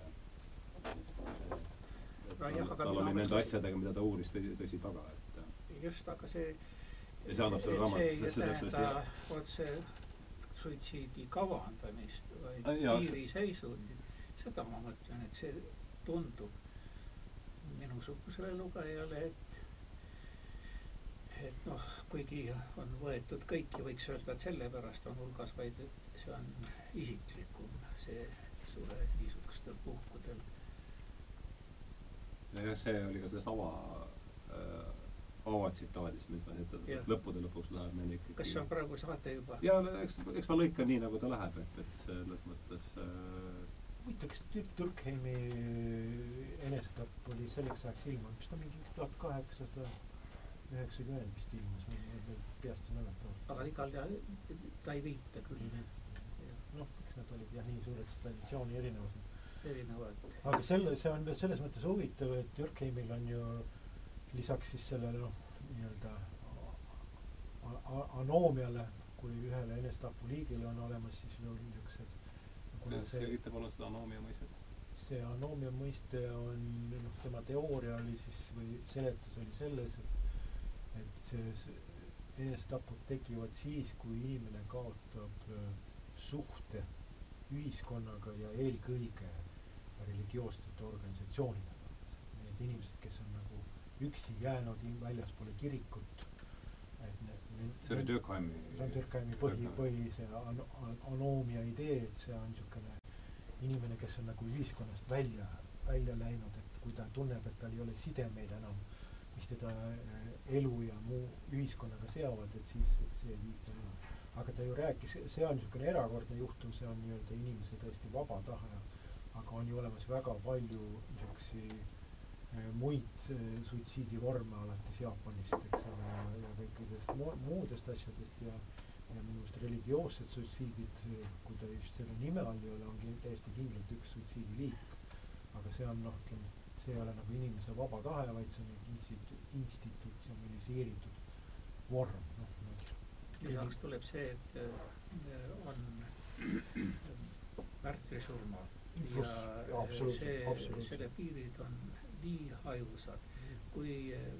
no see on konkreetne juhtum, mis olevat tõesti sündinud Prantsuse äh, vastupanuvõitleja sattus Gestapo kätte, üks noor mees, sidemees. ja tal oli üks niisugune hetk ja võimalus, et ta sai iseendale lõpu teha.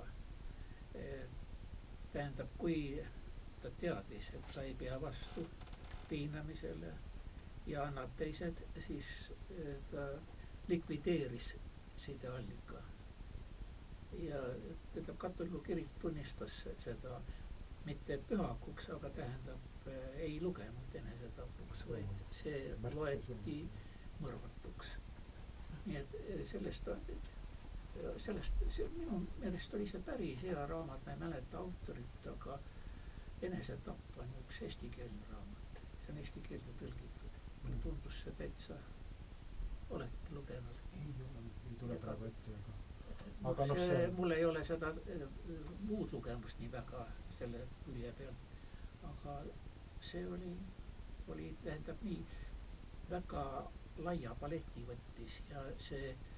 kuidas läbi keskaja oli väga erinev, mismoodi suhtuti vaimulike ja aadlike enesetappudesse, see, sellel oli alati võimalik romantiline põhjendus leida ja mismoodi talupoja või niisuguse lihtinimesele, kes lihtsalt laskis, laskis avatul kombel sellest oma õnnetust elust jalga. nii et ma- maksubaasi vähenemine. Jah, ühesõnaga ei noh, see oli palju muud, aga ta võtab, võtab see- ja analüüsib kõik nõnda, nõnda läbi ja, ja see oli, mulle oli ta väga õpetlik just selle avaruse pärast, mida ta. ma no kodus vaatan järgi ja Mm. ütlen selle peale või noh, autori, noh autor ei olnud mingisugune uurija või noh, niisugune. aga tuleme siis selle juurde tagasi, kas religioosne kogemus, punkt üks, et kas religioosne kogemus erineb teistest kogemustest? Ja punkt kaks, kas vaata kogemus või mõtlemine, kummast? võtame kõigepealt kogemuse eest, kas religioosne kogemus, no me jõudsime mitte väga üllatavale järeldusele, et mõtlemine ja kogemus on ikka kaks erinevat asja, et jah, aga et kas religioosne kogemus erineb muudest kogemustest ja kui, kui ta erineb, siis mille poolest? Ja järgmisena siis, et kas religioosne mõtlemine erineb tavalisest mõtlemisest, mingist mittereligioossest mõtlemisest ja kui, et siis mille poolest, et võib-olla Jüri tegi siin otsa lahti, ma arvan, et religioosne mõtlemine, kui selle mõtlemise all süllogistlikku järeldamist eh, öelda, siis on ta universaalne ja siin ei ole arutada midagi, aga kui küsida sisu järgi, siis on sama, kas on olemas esteetiline mõtlemine, kas kas noh, tähendab, või on see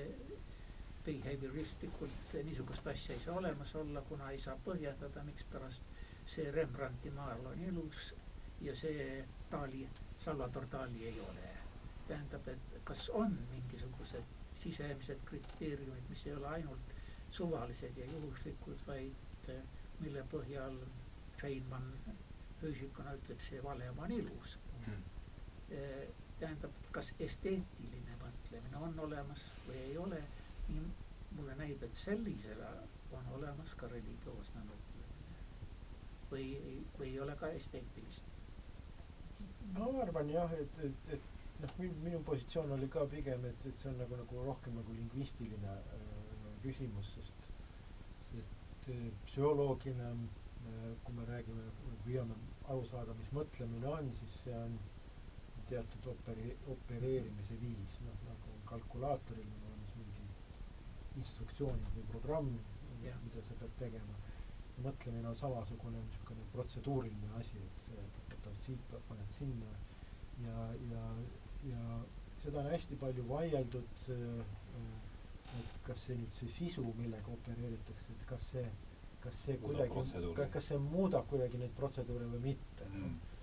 ja noh, ütleme no ranges mõttes on, kui me ütleme, et, et sisu, sisu ei ole võimalik protseduuridest lahutada, siis loomulikult on religioosne mõtlemine olemas. nii palju kui, nii, niipea kui meil on olemas eh, objekt, mida me nimetame religioosseks, olgu ta siis eh, kõige vägevama või, või olulisema olendi mõiste või, või nii edasi, siis noh, loomulikult noh, aga noh, ma ütlen, et, et, et min-, min-, psühholoogia püüab siiski olla natuke noh, kui selline tehnilisem, et kui me, kui me püüame sellest nagu sisust aru saa-, lahti saada ja mõtlemine on äh, universaalne masin, eks ole, mõtlemise põhiomadus ongi see, et ta ei sõltu sellest, millest sa mõtled, eks ole, seal kui mingi logalikul, kui tal on mingi refleks või mingi asi, siis ta on väga, väga sellest väljast või sellest stiimulist sõltuv, aga mõtlemine ongi kuidas nüüd öelda, kui me jälle Jamesi terminites ütleme nii evolutsiooniliselt mõelnud, miks mõtlemine tekkis, siis on, on see, et me peaksime lahti saama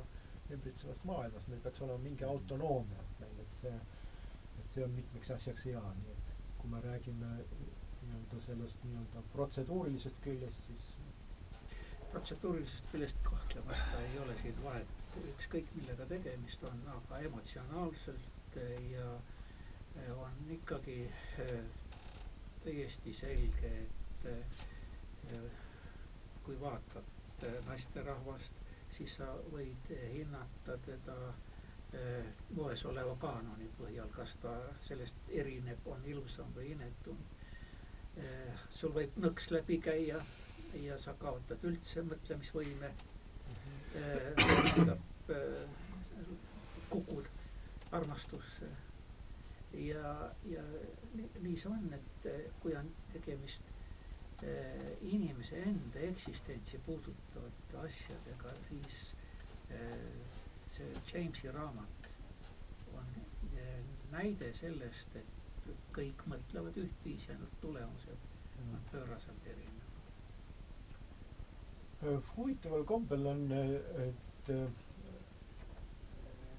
et viimased mõned Nobeli preemia la- laureaadid, Daniel Kahnemann ja, ja, ja, ja viimane äh, on äh, selles mõttes nagu väga olulised, nemad räägivad nagu kahest mõtlemise liigist, et mõtlemine ei ole ka ühesugune, üks on see niisugune ütleme, süllogistlik või, või, või arutlev, diskursiivne äh, mõtlemine, mida me tavaliselt äh, mina olen veel ülikoolis loogikat õppinud, kus olid, kus olid kõik süllogismid veel, veel õpetet-, õpetamisel, et, et, et see on üks mõtlemine, aga on olemas siis nagu kiire mõtlemine, mida siis võiks öelda, et see on intuitiivne, et see ei käi samade ratsionaalsete reeglite järgi, vaid see käib hästi ruttu kasutab mingisuguseid niisugusi noh, bioloogid ütlevad heuristikuid või siis niisuguseid pöidlareegleid, mis ei ole väga, väga rangelt defineeritud, võib ka öelda kõhutunde järgi. ja, ja siin ma võin muidugi, pean ütlema, et, et, et, et, et, et kui me mõtleme seda kiiret mõtlemist, mis on väga emotsionaalne, siis ta võtab, tema jaoks on väga oluline, sest kui sa kui sa lahendad süllogismi, siis ükskõik, mis sa siin süllogismi objektideks topid, aga, aga kiire mõtlemisel temal on väga suur vahe näiteks seal, kui on, kui on noh, ma ei tea, me teame seda, et paljudel loomaliikidel on,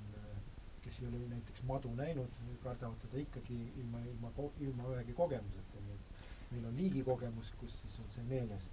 nii et ma selles mõttes võiksin küll öelda, et, et, et, et kui, me suudaksime näidata või öelda, et meil on olemas nagu liigiline religioosne kogemus, siis, siis ma pean muidugi oma sõnu sööma ja ütlema, et see mõtlemise alaliik või,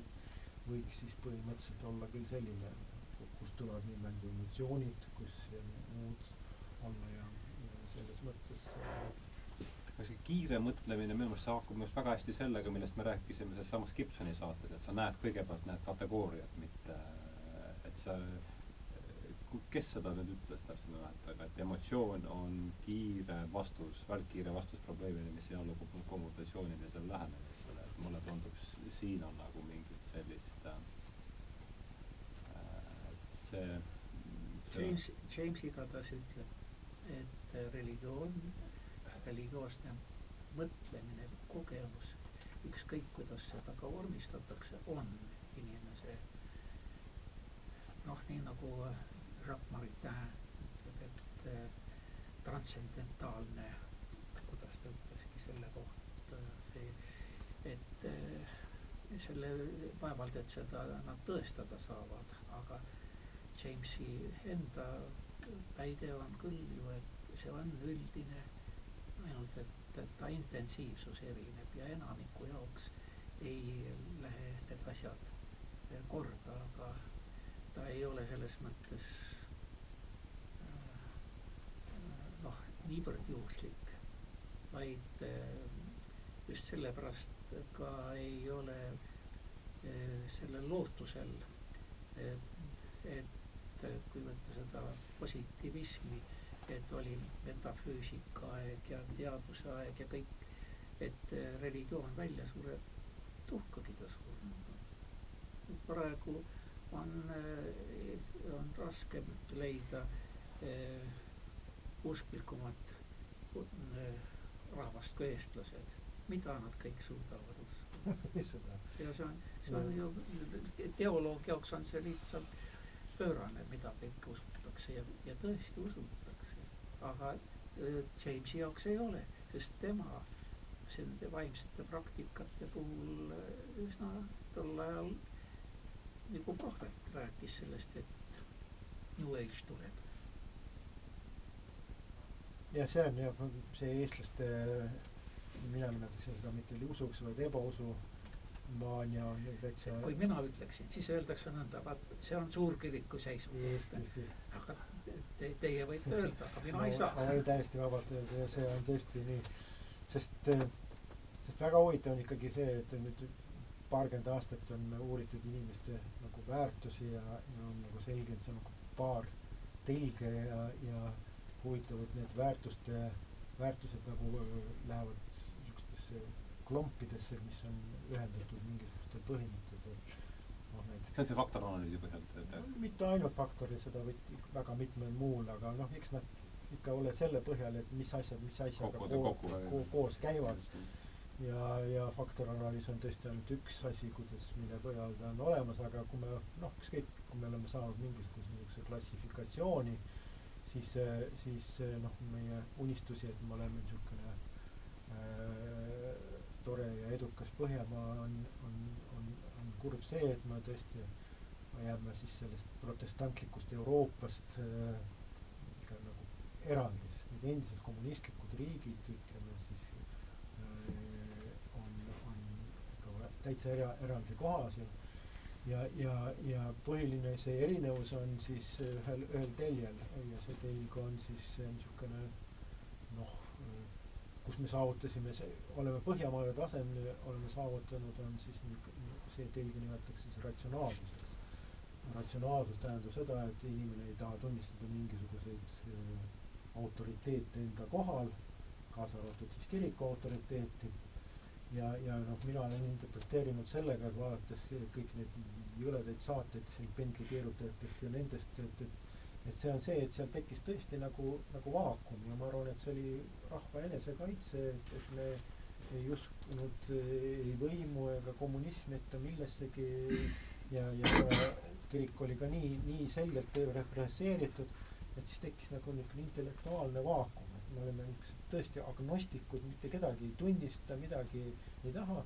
aga nagu hing nagu ikka vajab, eks ole, ja siis e, tähteti niisuguse noh, kuidas nüüd öelda, no nii odava ja, ja niisuguse täiesti mõttetu ebausuga, sest äh, et mida, mida küll. Ja see on isegi nendes küsitlustes on see olnud, et et kuigi seal ütleme seal konfessiooni liikmete arvu järgi Eesti on tõesti kusagil üsna üsna madalal kohal, kirikus väga paljud ei käi, nüüd on see natuke muutunud, aga aga alguses oli see eriti, aga kui sa uurid seda, mida kõik inimesed usuvad, siis pendliliigutajaid või siis ma ei oska, ma ei teagi neid kõiki, mis seal on olemas, siis on seal mingi kristalli sisse vaatamine või ma ei tea, mis asja, et see, see on nagu, nagu tõeline, tõeline suur, suur see, aga, aga see on just täpselt see, mida, mida James ju kirjutab, eks ole, siis see, see kukud müüdist välja lihtsalt teise müüti lihtsalt. no jaa, aga see ongi selleks, et ei õnnestunud kommunismil religiooni juurida ega ei ole õnnestunud ühelgi religioonil pikaks ajaks jääda domineerima, aga see vajadus uskuda, ratsionaalne mõtlemine võiks ju kui ta on nii palju tulemusi andnud elu mugavamaks muutmisel, olla see, et sa usud ainult teadusse, ainult tsientiste kah ei ole, et sinna kõrvale ilmuvad ikkagi kõik need eh, muud, et, et see ikkagi tundub olevat niisugune kaasasündinud vigadus, noh, ütleme siis nii.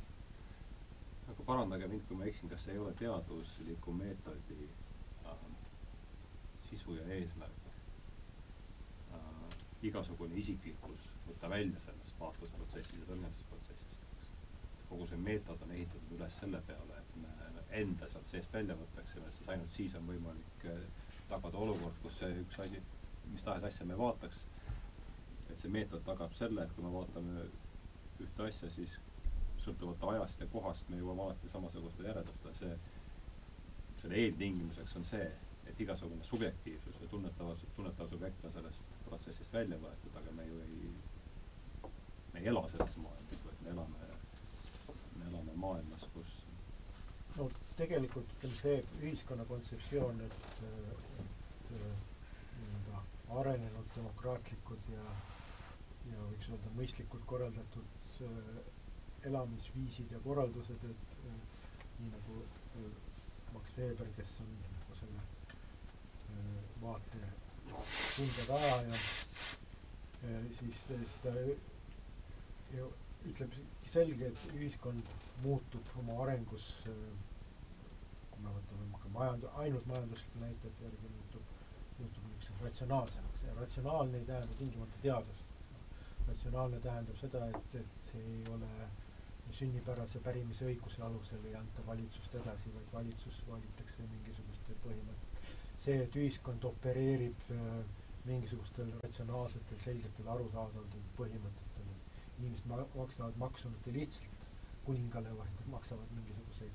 aktsiise ja mingisuguseid asju, millel on nagu selge sisu.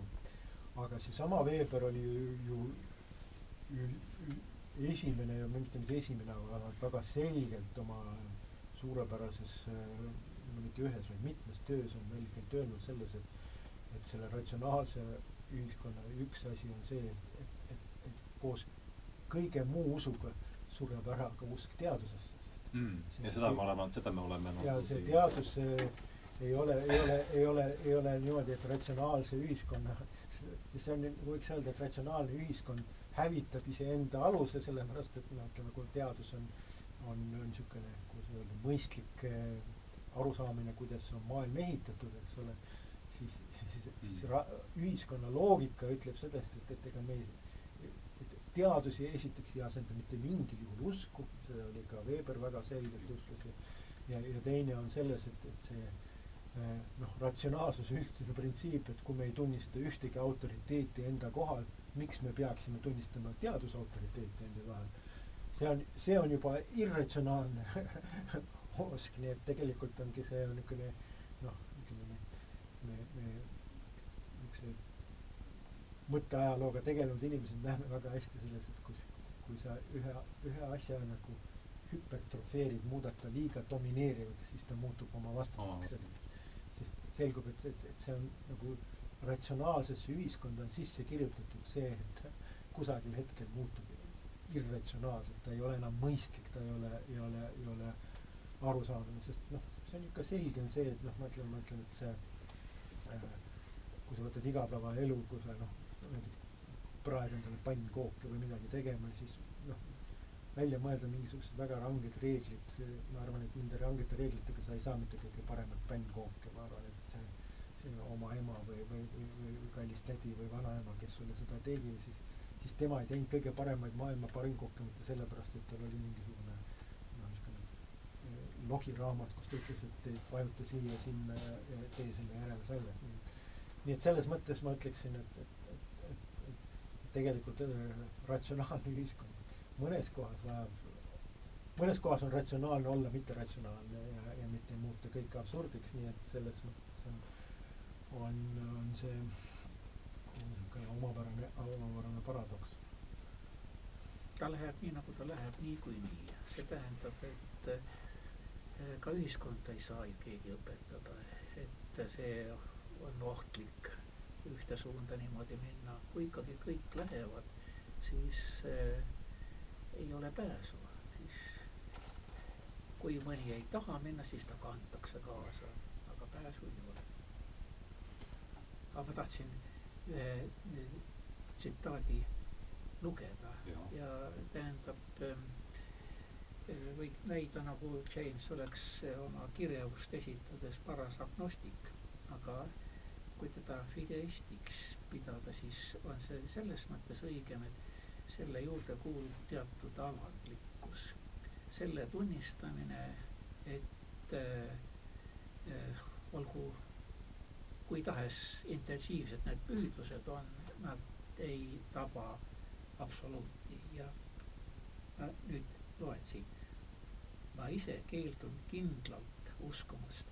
et meie inimlik kogemus on kõrgeim kogemuse vorm universumis. pigem ma usun, et me seisame enam-vähem samasuguses suhtes universumiga nagu meie lemmikkoerad ja kassid kogu inimeluga. Nad elutsevad meie elu ja raamatukogu tubades. Nad osalevad stseenides, mille tähendusest teil pole aimugi. Nad kõigest puudutavad ajaloo kõveraid mille algused, lõpud ja kujud jäävad tervenisti väljapoole nende teadmispiire. nii oleme ka meie kõigest avarama asjade elu puutujad. kuid nagu nii mõnedki koerte ja kasside ideaalid langevad kokku meie ideaalidega ning koerad ja kassid saavad iga päev elavaid tõendusi selle tõsiasja kohta, nii võime ka meie uskuda tõenduste põhjal, mida annab religioosne kogemus, et leidub kõrgemaid jõudusid ja need töötavad maailma päästmise nimel ideaaljooni mööda, mis sarnanevad meie ideaalidega. jah, jah, see tsitaat on, ma mäletan, kas ma ise kasutasin seda selles oma loos, pikemas loos, mis ma Shakespeare'is kirjutasin, et see, see võrdlus kasside ja koertega on hästi, hästi langeb kokku, ega need ju meie vastalised ei ole, vaid nad püüavad olla meile pärast ja, ja, ja noh, nad on emotsionaalselt ju kah inimesele vajalikud.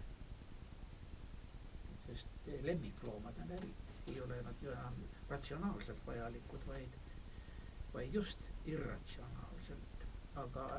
tema võtab seda, kuigi ta metafüüsikast keeldub, ei pääse ta. ma tõin selle kui näite sellest, et see tuleb ometigi sisse niipea, kui ta hakkab rääkima sellest, mida ta viimselt mõtleb. põhimõtteliselt ütleb metafüüsika jätame kõrvale, aga aga ta ei, seda ei ole võimalik päriselt kõrvale jätta. sest evolutsiooniga on ju sama lugu, et miks see on religiooni aseaine, on see, et ta annab ikkagi noh, kui lugeda seda liikide teket, selle lõpulauseid, no see on niisugune vägev hümn, et seda võiks vabalt kantslist lugeda tähendab, see on, et kogu areng äh, läheb äh, täiuse suunas ja, ja et, et jumala loomingu tipp on see inimene, kes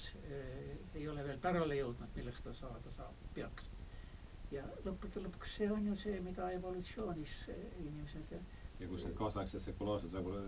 religioonid selle kohe no, üle, üle võtsid? tähendab, nad võivad ütelda, et on sihitu, aga kuidas nad saame ütelda üldse, et on kõrgemaid? sel korral ei ole ju kõrgemaid, sest amööb on ikkagi kaugelt üle igast, igast eh, ta on palju paremini kohastunud elul. kui elu, muu elu ära kaob, siis mõni, mõni niisugune jääb tõenäoliselt alles. nii et öelda, et see oleks kõrgem, seda ütleb inimene. ma muidugi annaksin amöömapsele selle koha mõnele viirusele, nii et see täiesti nõus, aga siis mõnes mõttes veel täiuslikum. jaa, aga selle, kui ma tohin, siis Richard Dawkins, eh, see maailma esiateist nimetab religiooni viiruseks mm., aga eh, selles samast numbrist, kus teie lugu on, on nüüd üks lugu ka eh, viirustest kui bakteriofaagidest. see tähendab, et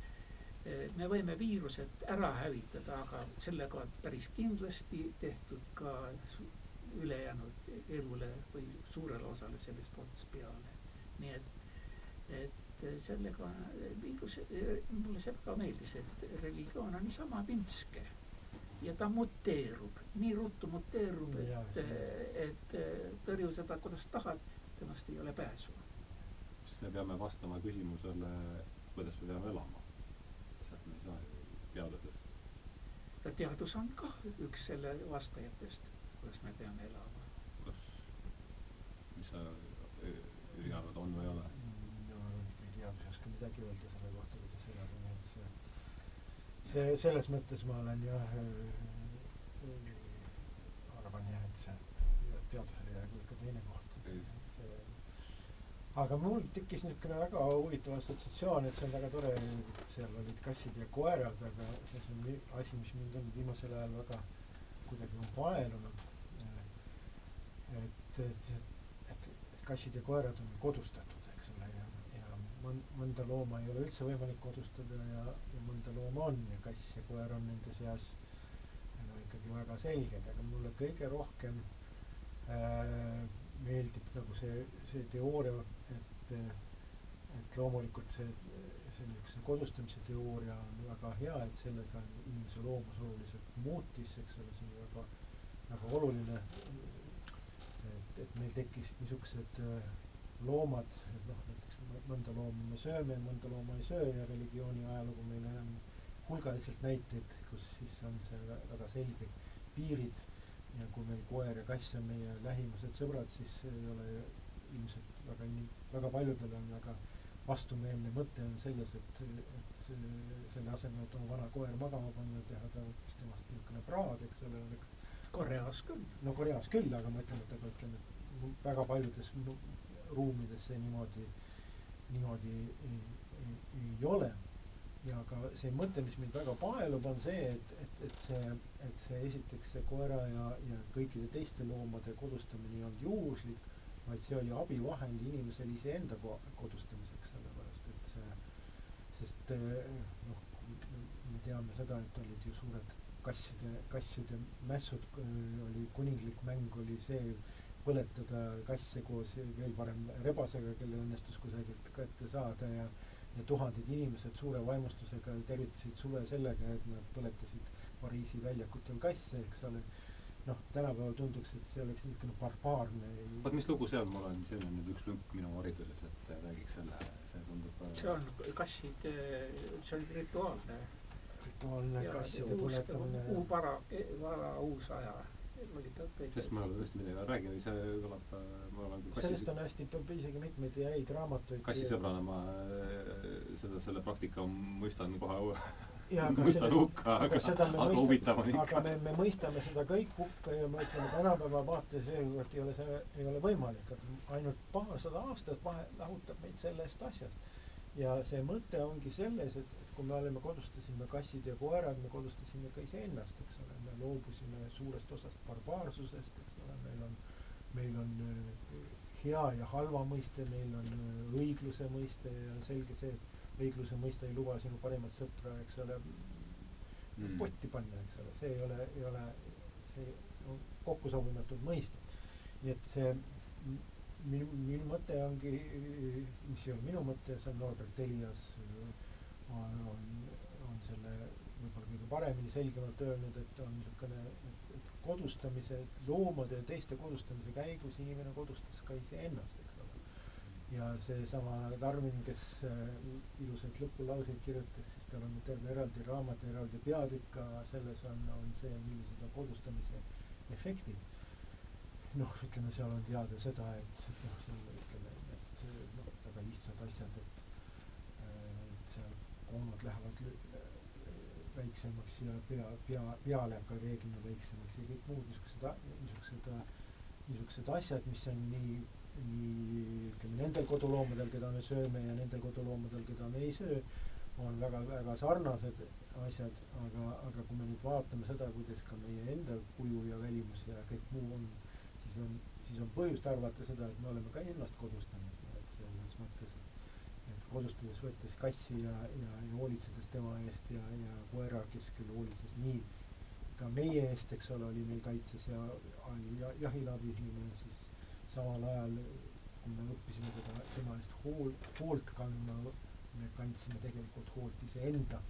ma ei taha küll öelda, et hinge eest, aga, aga, aga, aga kõige, kõige muu eest, nii et ma arvan, et üks väga äh, huvitav ja see annab sellele Jamesi tsitaadile, me ei tea kassidest midagi, sest kass ja koer on tegelikult meie enda looming, see on ju, me, meie oleme selle ühiskonna ajaloos selle sellist, sellisteks nad teinud. See on veelgi huvitavam, et see, see ei ole mitte mingisugune noh,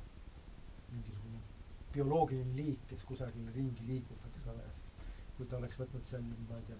mingisuguse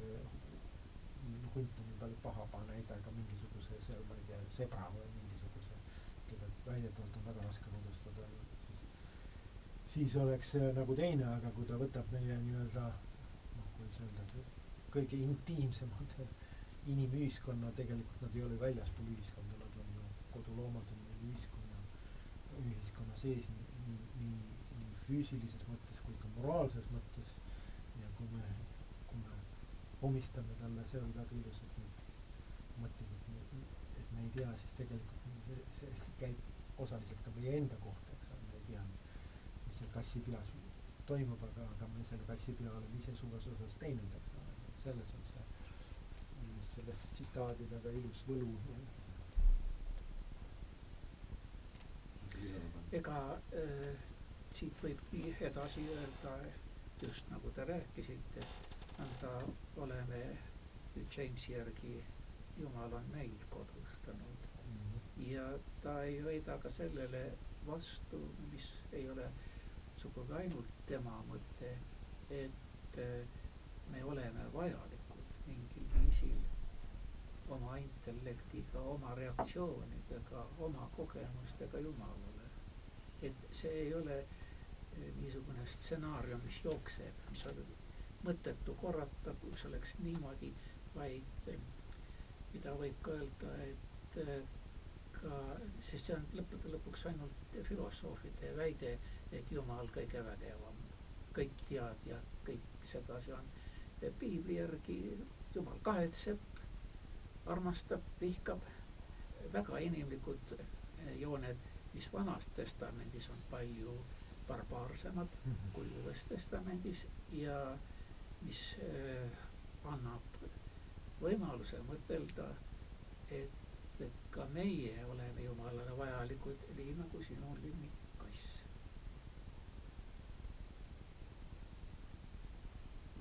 see on pöörane mõte inimese elu sihiks. otsida, kuidas viisi ta saaks vastata sellele ootusele.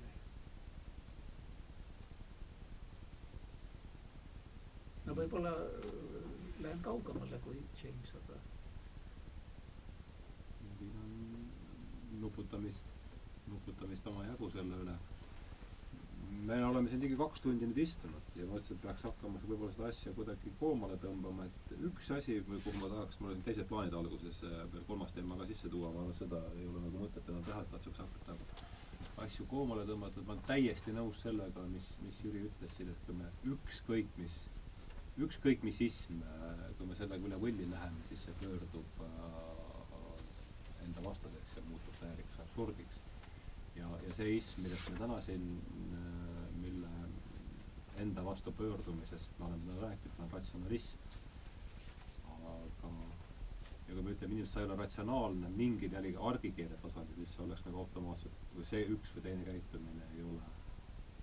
ratsionaalne, see eitab kohe, keegi ei taha olla, ütleme, argikeelel või lähemal tasandil mitte ratsionaalne, aga et võib-olla me siin kümnekonna minuti jooksul, mis meil on jäänud, et mulle, me oleme, tundub, et me oleme kolmekesi siin nõus sellega, et selle ratsionalismiga, seda sõna filosoofilises tähenduses, mitte argikeele tähenduses, on mindud liiale äh,. üritaks nüüd panna paika selle tee, et mis võiks olla see noh, ütleme siis, olgu see siis teine ka mingi ism, et, et mis oleks, või mis võiks olla see printsiip, mis siis vastandub ratsionalismile ja kuhu me suunas me võiksime natukene võib-olla selle tasakaalu huvides äh, tagasi liikuda, kui me oleme nõus sellega, nagu me paistame olema, et ratsionalismiga on siin nagu sõidetud äh, pisut üle võlli ja see on möötu-, muutumas iseenda paroodiaks äh, mingis mõttes. Noh, tervikuna nüüd öelda, et, et kogu Euroopa Liit või, või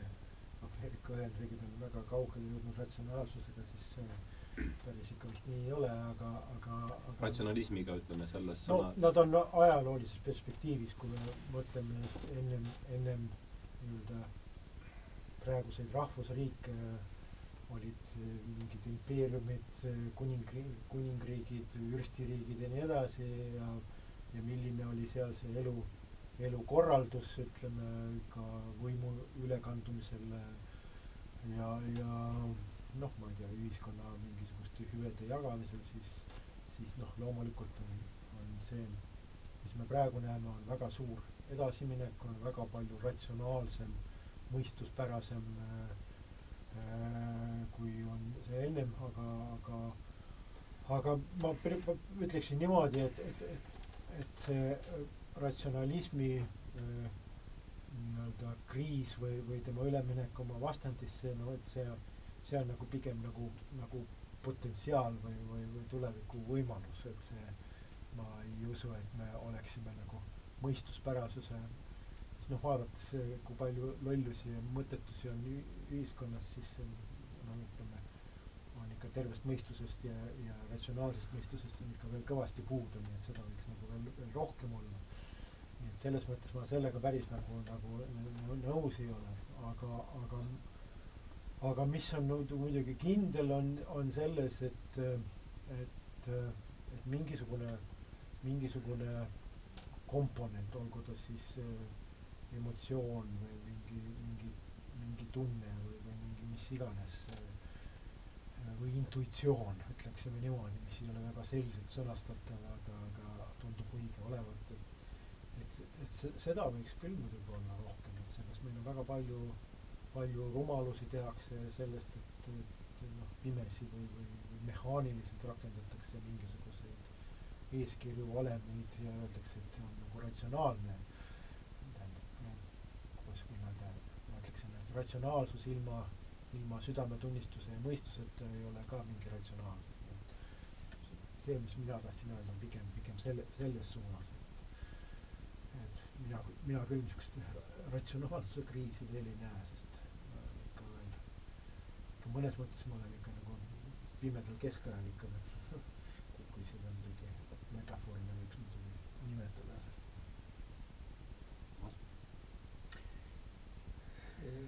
arvan kah, et ratsionaalsust liiga palju ei ole ja teda ei saagi liiga palju kunagi olla, vaid see on ikkagi teatud külgedes ja temast ära pöörata ei ole hoopiski põhjust millegi alama suhtes, vastandada emotsiooni ratsionaalsusele kui äh, naist võtma hakkad, siis ei pea ikkagi peast põrunud olema. et äh, võid ikkagi kuulata sõprade käest ka, mida nemad ütlevad selle tüdruku kohta. Äh, ka siis, kui sa ei taha seda tõeks tunnistada, ikkagi on sellest kasu, sest nüüd on tükid taga. nii et, et see, mis see olla võiks, mis seda asendab, on ehk holism. Mm.. see tähendab äh, tervikule mõtlemine ja, ja seda on kergem tõenäoliselt üksikinimesel enda elus saavutada, sest äh, kui palju ühiskonnas üldse midagi muuta saab äh, ja millised siin jõud on ja kas neid korraga saab teha, aga inimene iseenda jaoks tõenäoliselt võib otsida seda tasakaalu ka mitte ratsionaalsuse või, või mõistlikkuse arvel, vaid, vaid võttes ennast kui tervikut. meil siin enne oli juttu sellest, kuidas pisarad öö, võivad tingida kurbust ja niimoodi on teatud määral võimalik valida neid asju. tead, vabadus inimesel siiski on, millele ta tähelepanu pöörab, mida ta laseb mõju, mõjuda endale. ja, ja selles suhtes ilma ratsionaalsust kaotamata ähm, võib äh, paremaid otsuseid ja parema elu leida. nojah, siin juba selle küsimuse ja vastuste ringis tekkis äh, ütleme, kui kerge on siin minna sellisele kui kerge on siin selle ühe sõna erinevate tähendusvarjunditega minna eri kuidagi noh, segadust tekitada, et loomulikult ma ei tahtnud sellega väita, et, et tervet mõistust äh, meie ümber liiga palju oleks ja et sellest lahti tuleks saada, aga ma ütlen, et see just seesama ratsionalism, ma ütleks siis, ma defiks selle, selle, selle niimoodi kui usk, et maailm on taandatav mingile selliste rats-, mingite väidete, maailm on taandatav väidete süsteemiks ja et me suudame sellest eh, süsteemist aru saada, see on minu meelest see, see, see kriitiline koht, et see on lihtsalt alandlikkuse sõna käis siit täna korra läbi. et, et ma arvan, et see on siin see nagu see oluline koht ja, ja kui sa alandlikkuse sisse tood, siis noh, peaks olema nagu mingi asi või, või idee, mille suhtes alandlik olla ja ma ei ole nüüd päris kindel, kas me seda saame, et, et kui see käest ära lastud ratsionalism selle ismina ja, ja, ja uskumusena, et maailm on taandatav selleks väidete süsteemiks, siis see hakkab automaatselt ära sööma ju seda midagi, mis, mille suhtes äh, me peaksime olema, olema alandlikud ja ja, ja ilma milleta me ilmselt kuidagi ei pääse. ma mõtlesin nagu seda rohkem, et ma ei tea, mis, kuidas te siin, kuidas te seda kommenteerite? Teema, mis, mis oleks, oleks võinud varem ka juba üles tulla, on, äh, seotud inimesega, kes mulle väga sümpaatne ja kes sai Nobeli preemia majandusalal, Richard Thaler. ja põhiline oli siis tema nagu see ikka motivatsioonis on öeldud, on see, et tema näitas, et et need tegelased või, või, või osanikud majanduslikes protsessides äh, ei ole lõpuni ratsionaalsed. tema näitas, et inimesed väga tihtipeale noh, irratsionaalne ei ole võib-olla kõige õigem sõna, sest see, see mõtleb, et neil ei ole üldse mingit mõtet, vaid neil on olemas teistsugune mõte, mis on,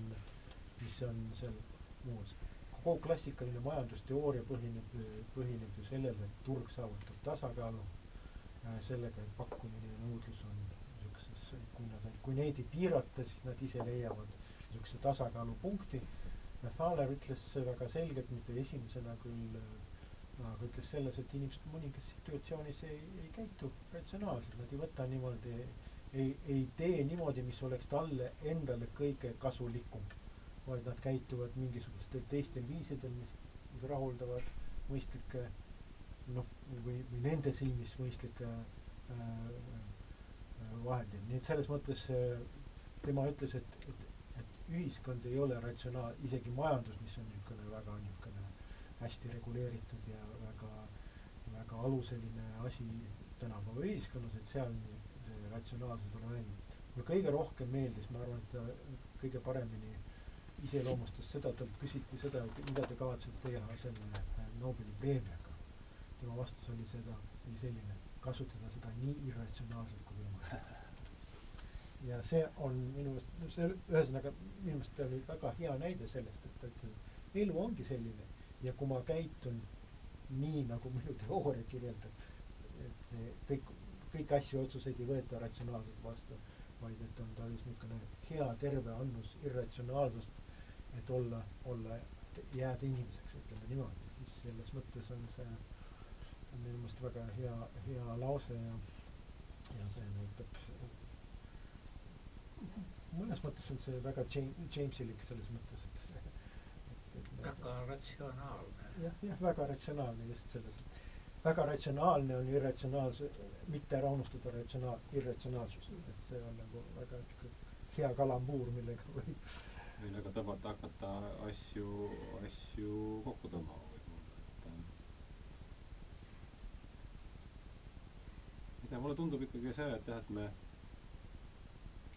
võib-olla kokkuvõttes, et et peaks nagu leppima sellega, et on osa asju, millest me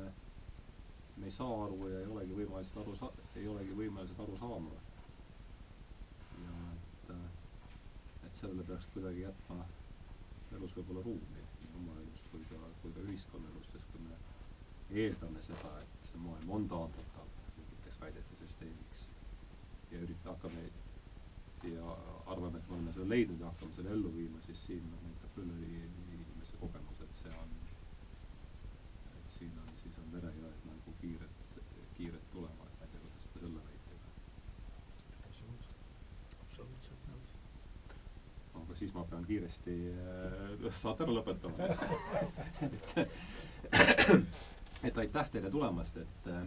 eetris oli siis äh, kaheteistkümnes saade äh, sarjast Tähenduse teejuhid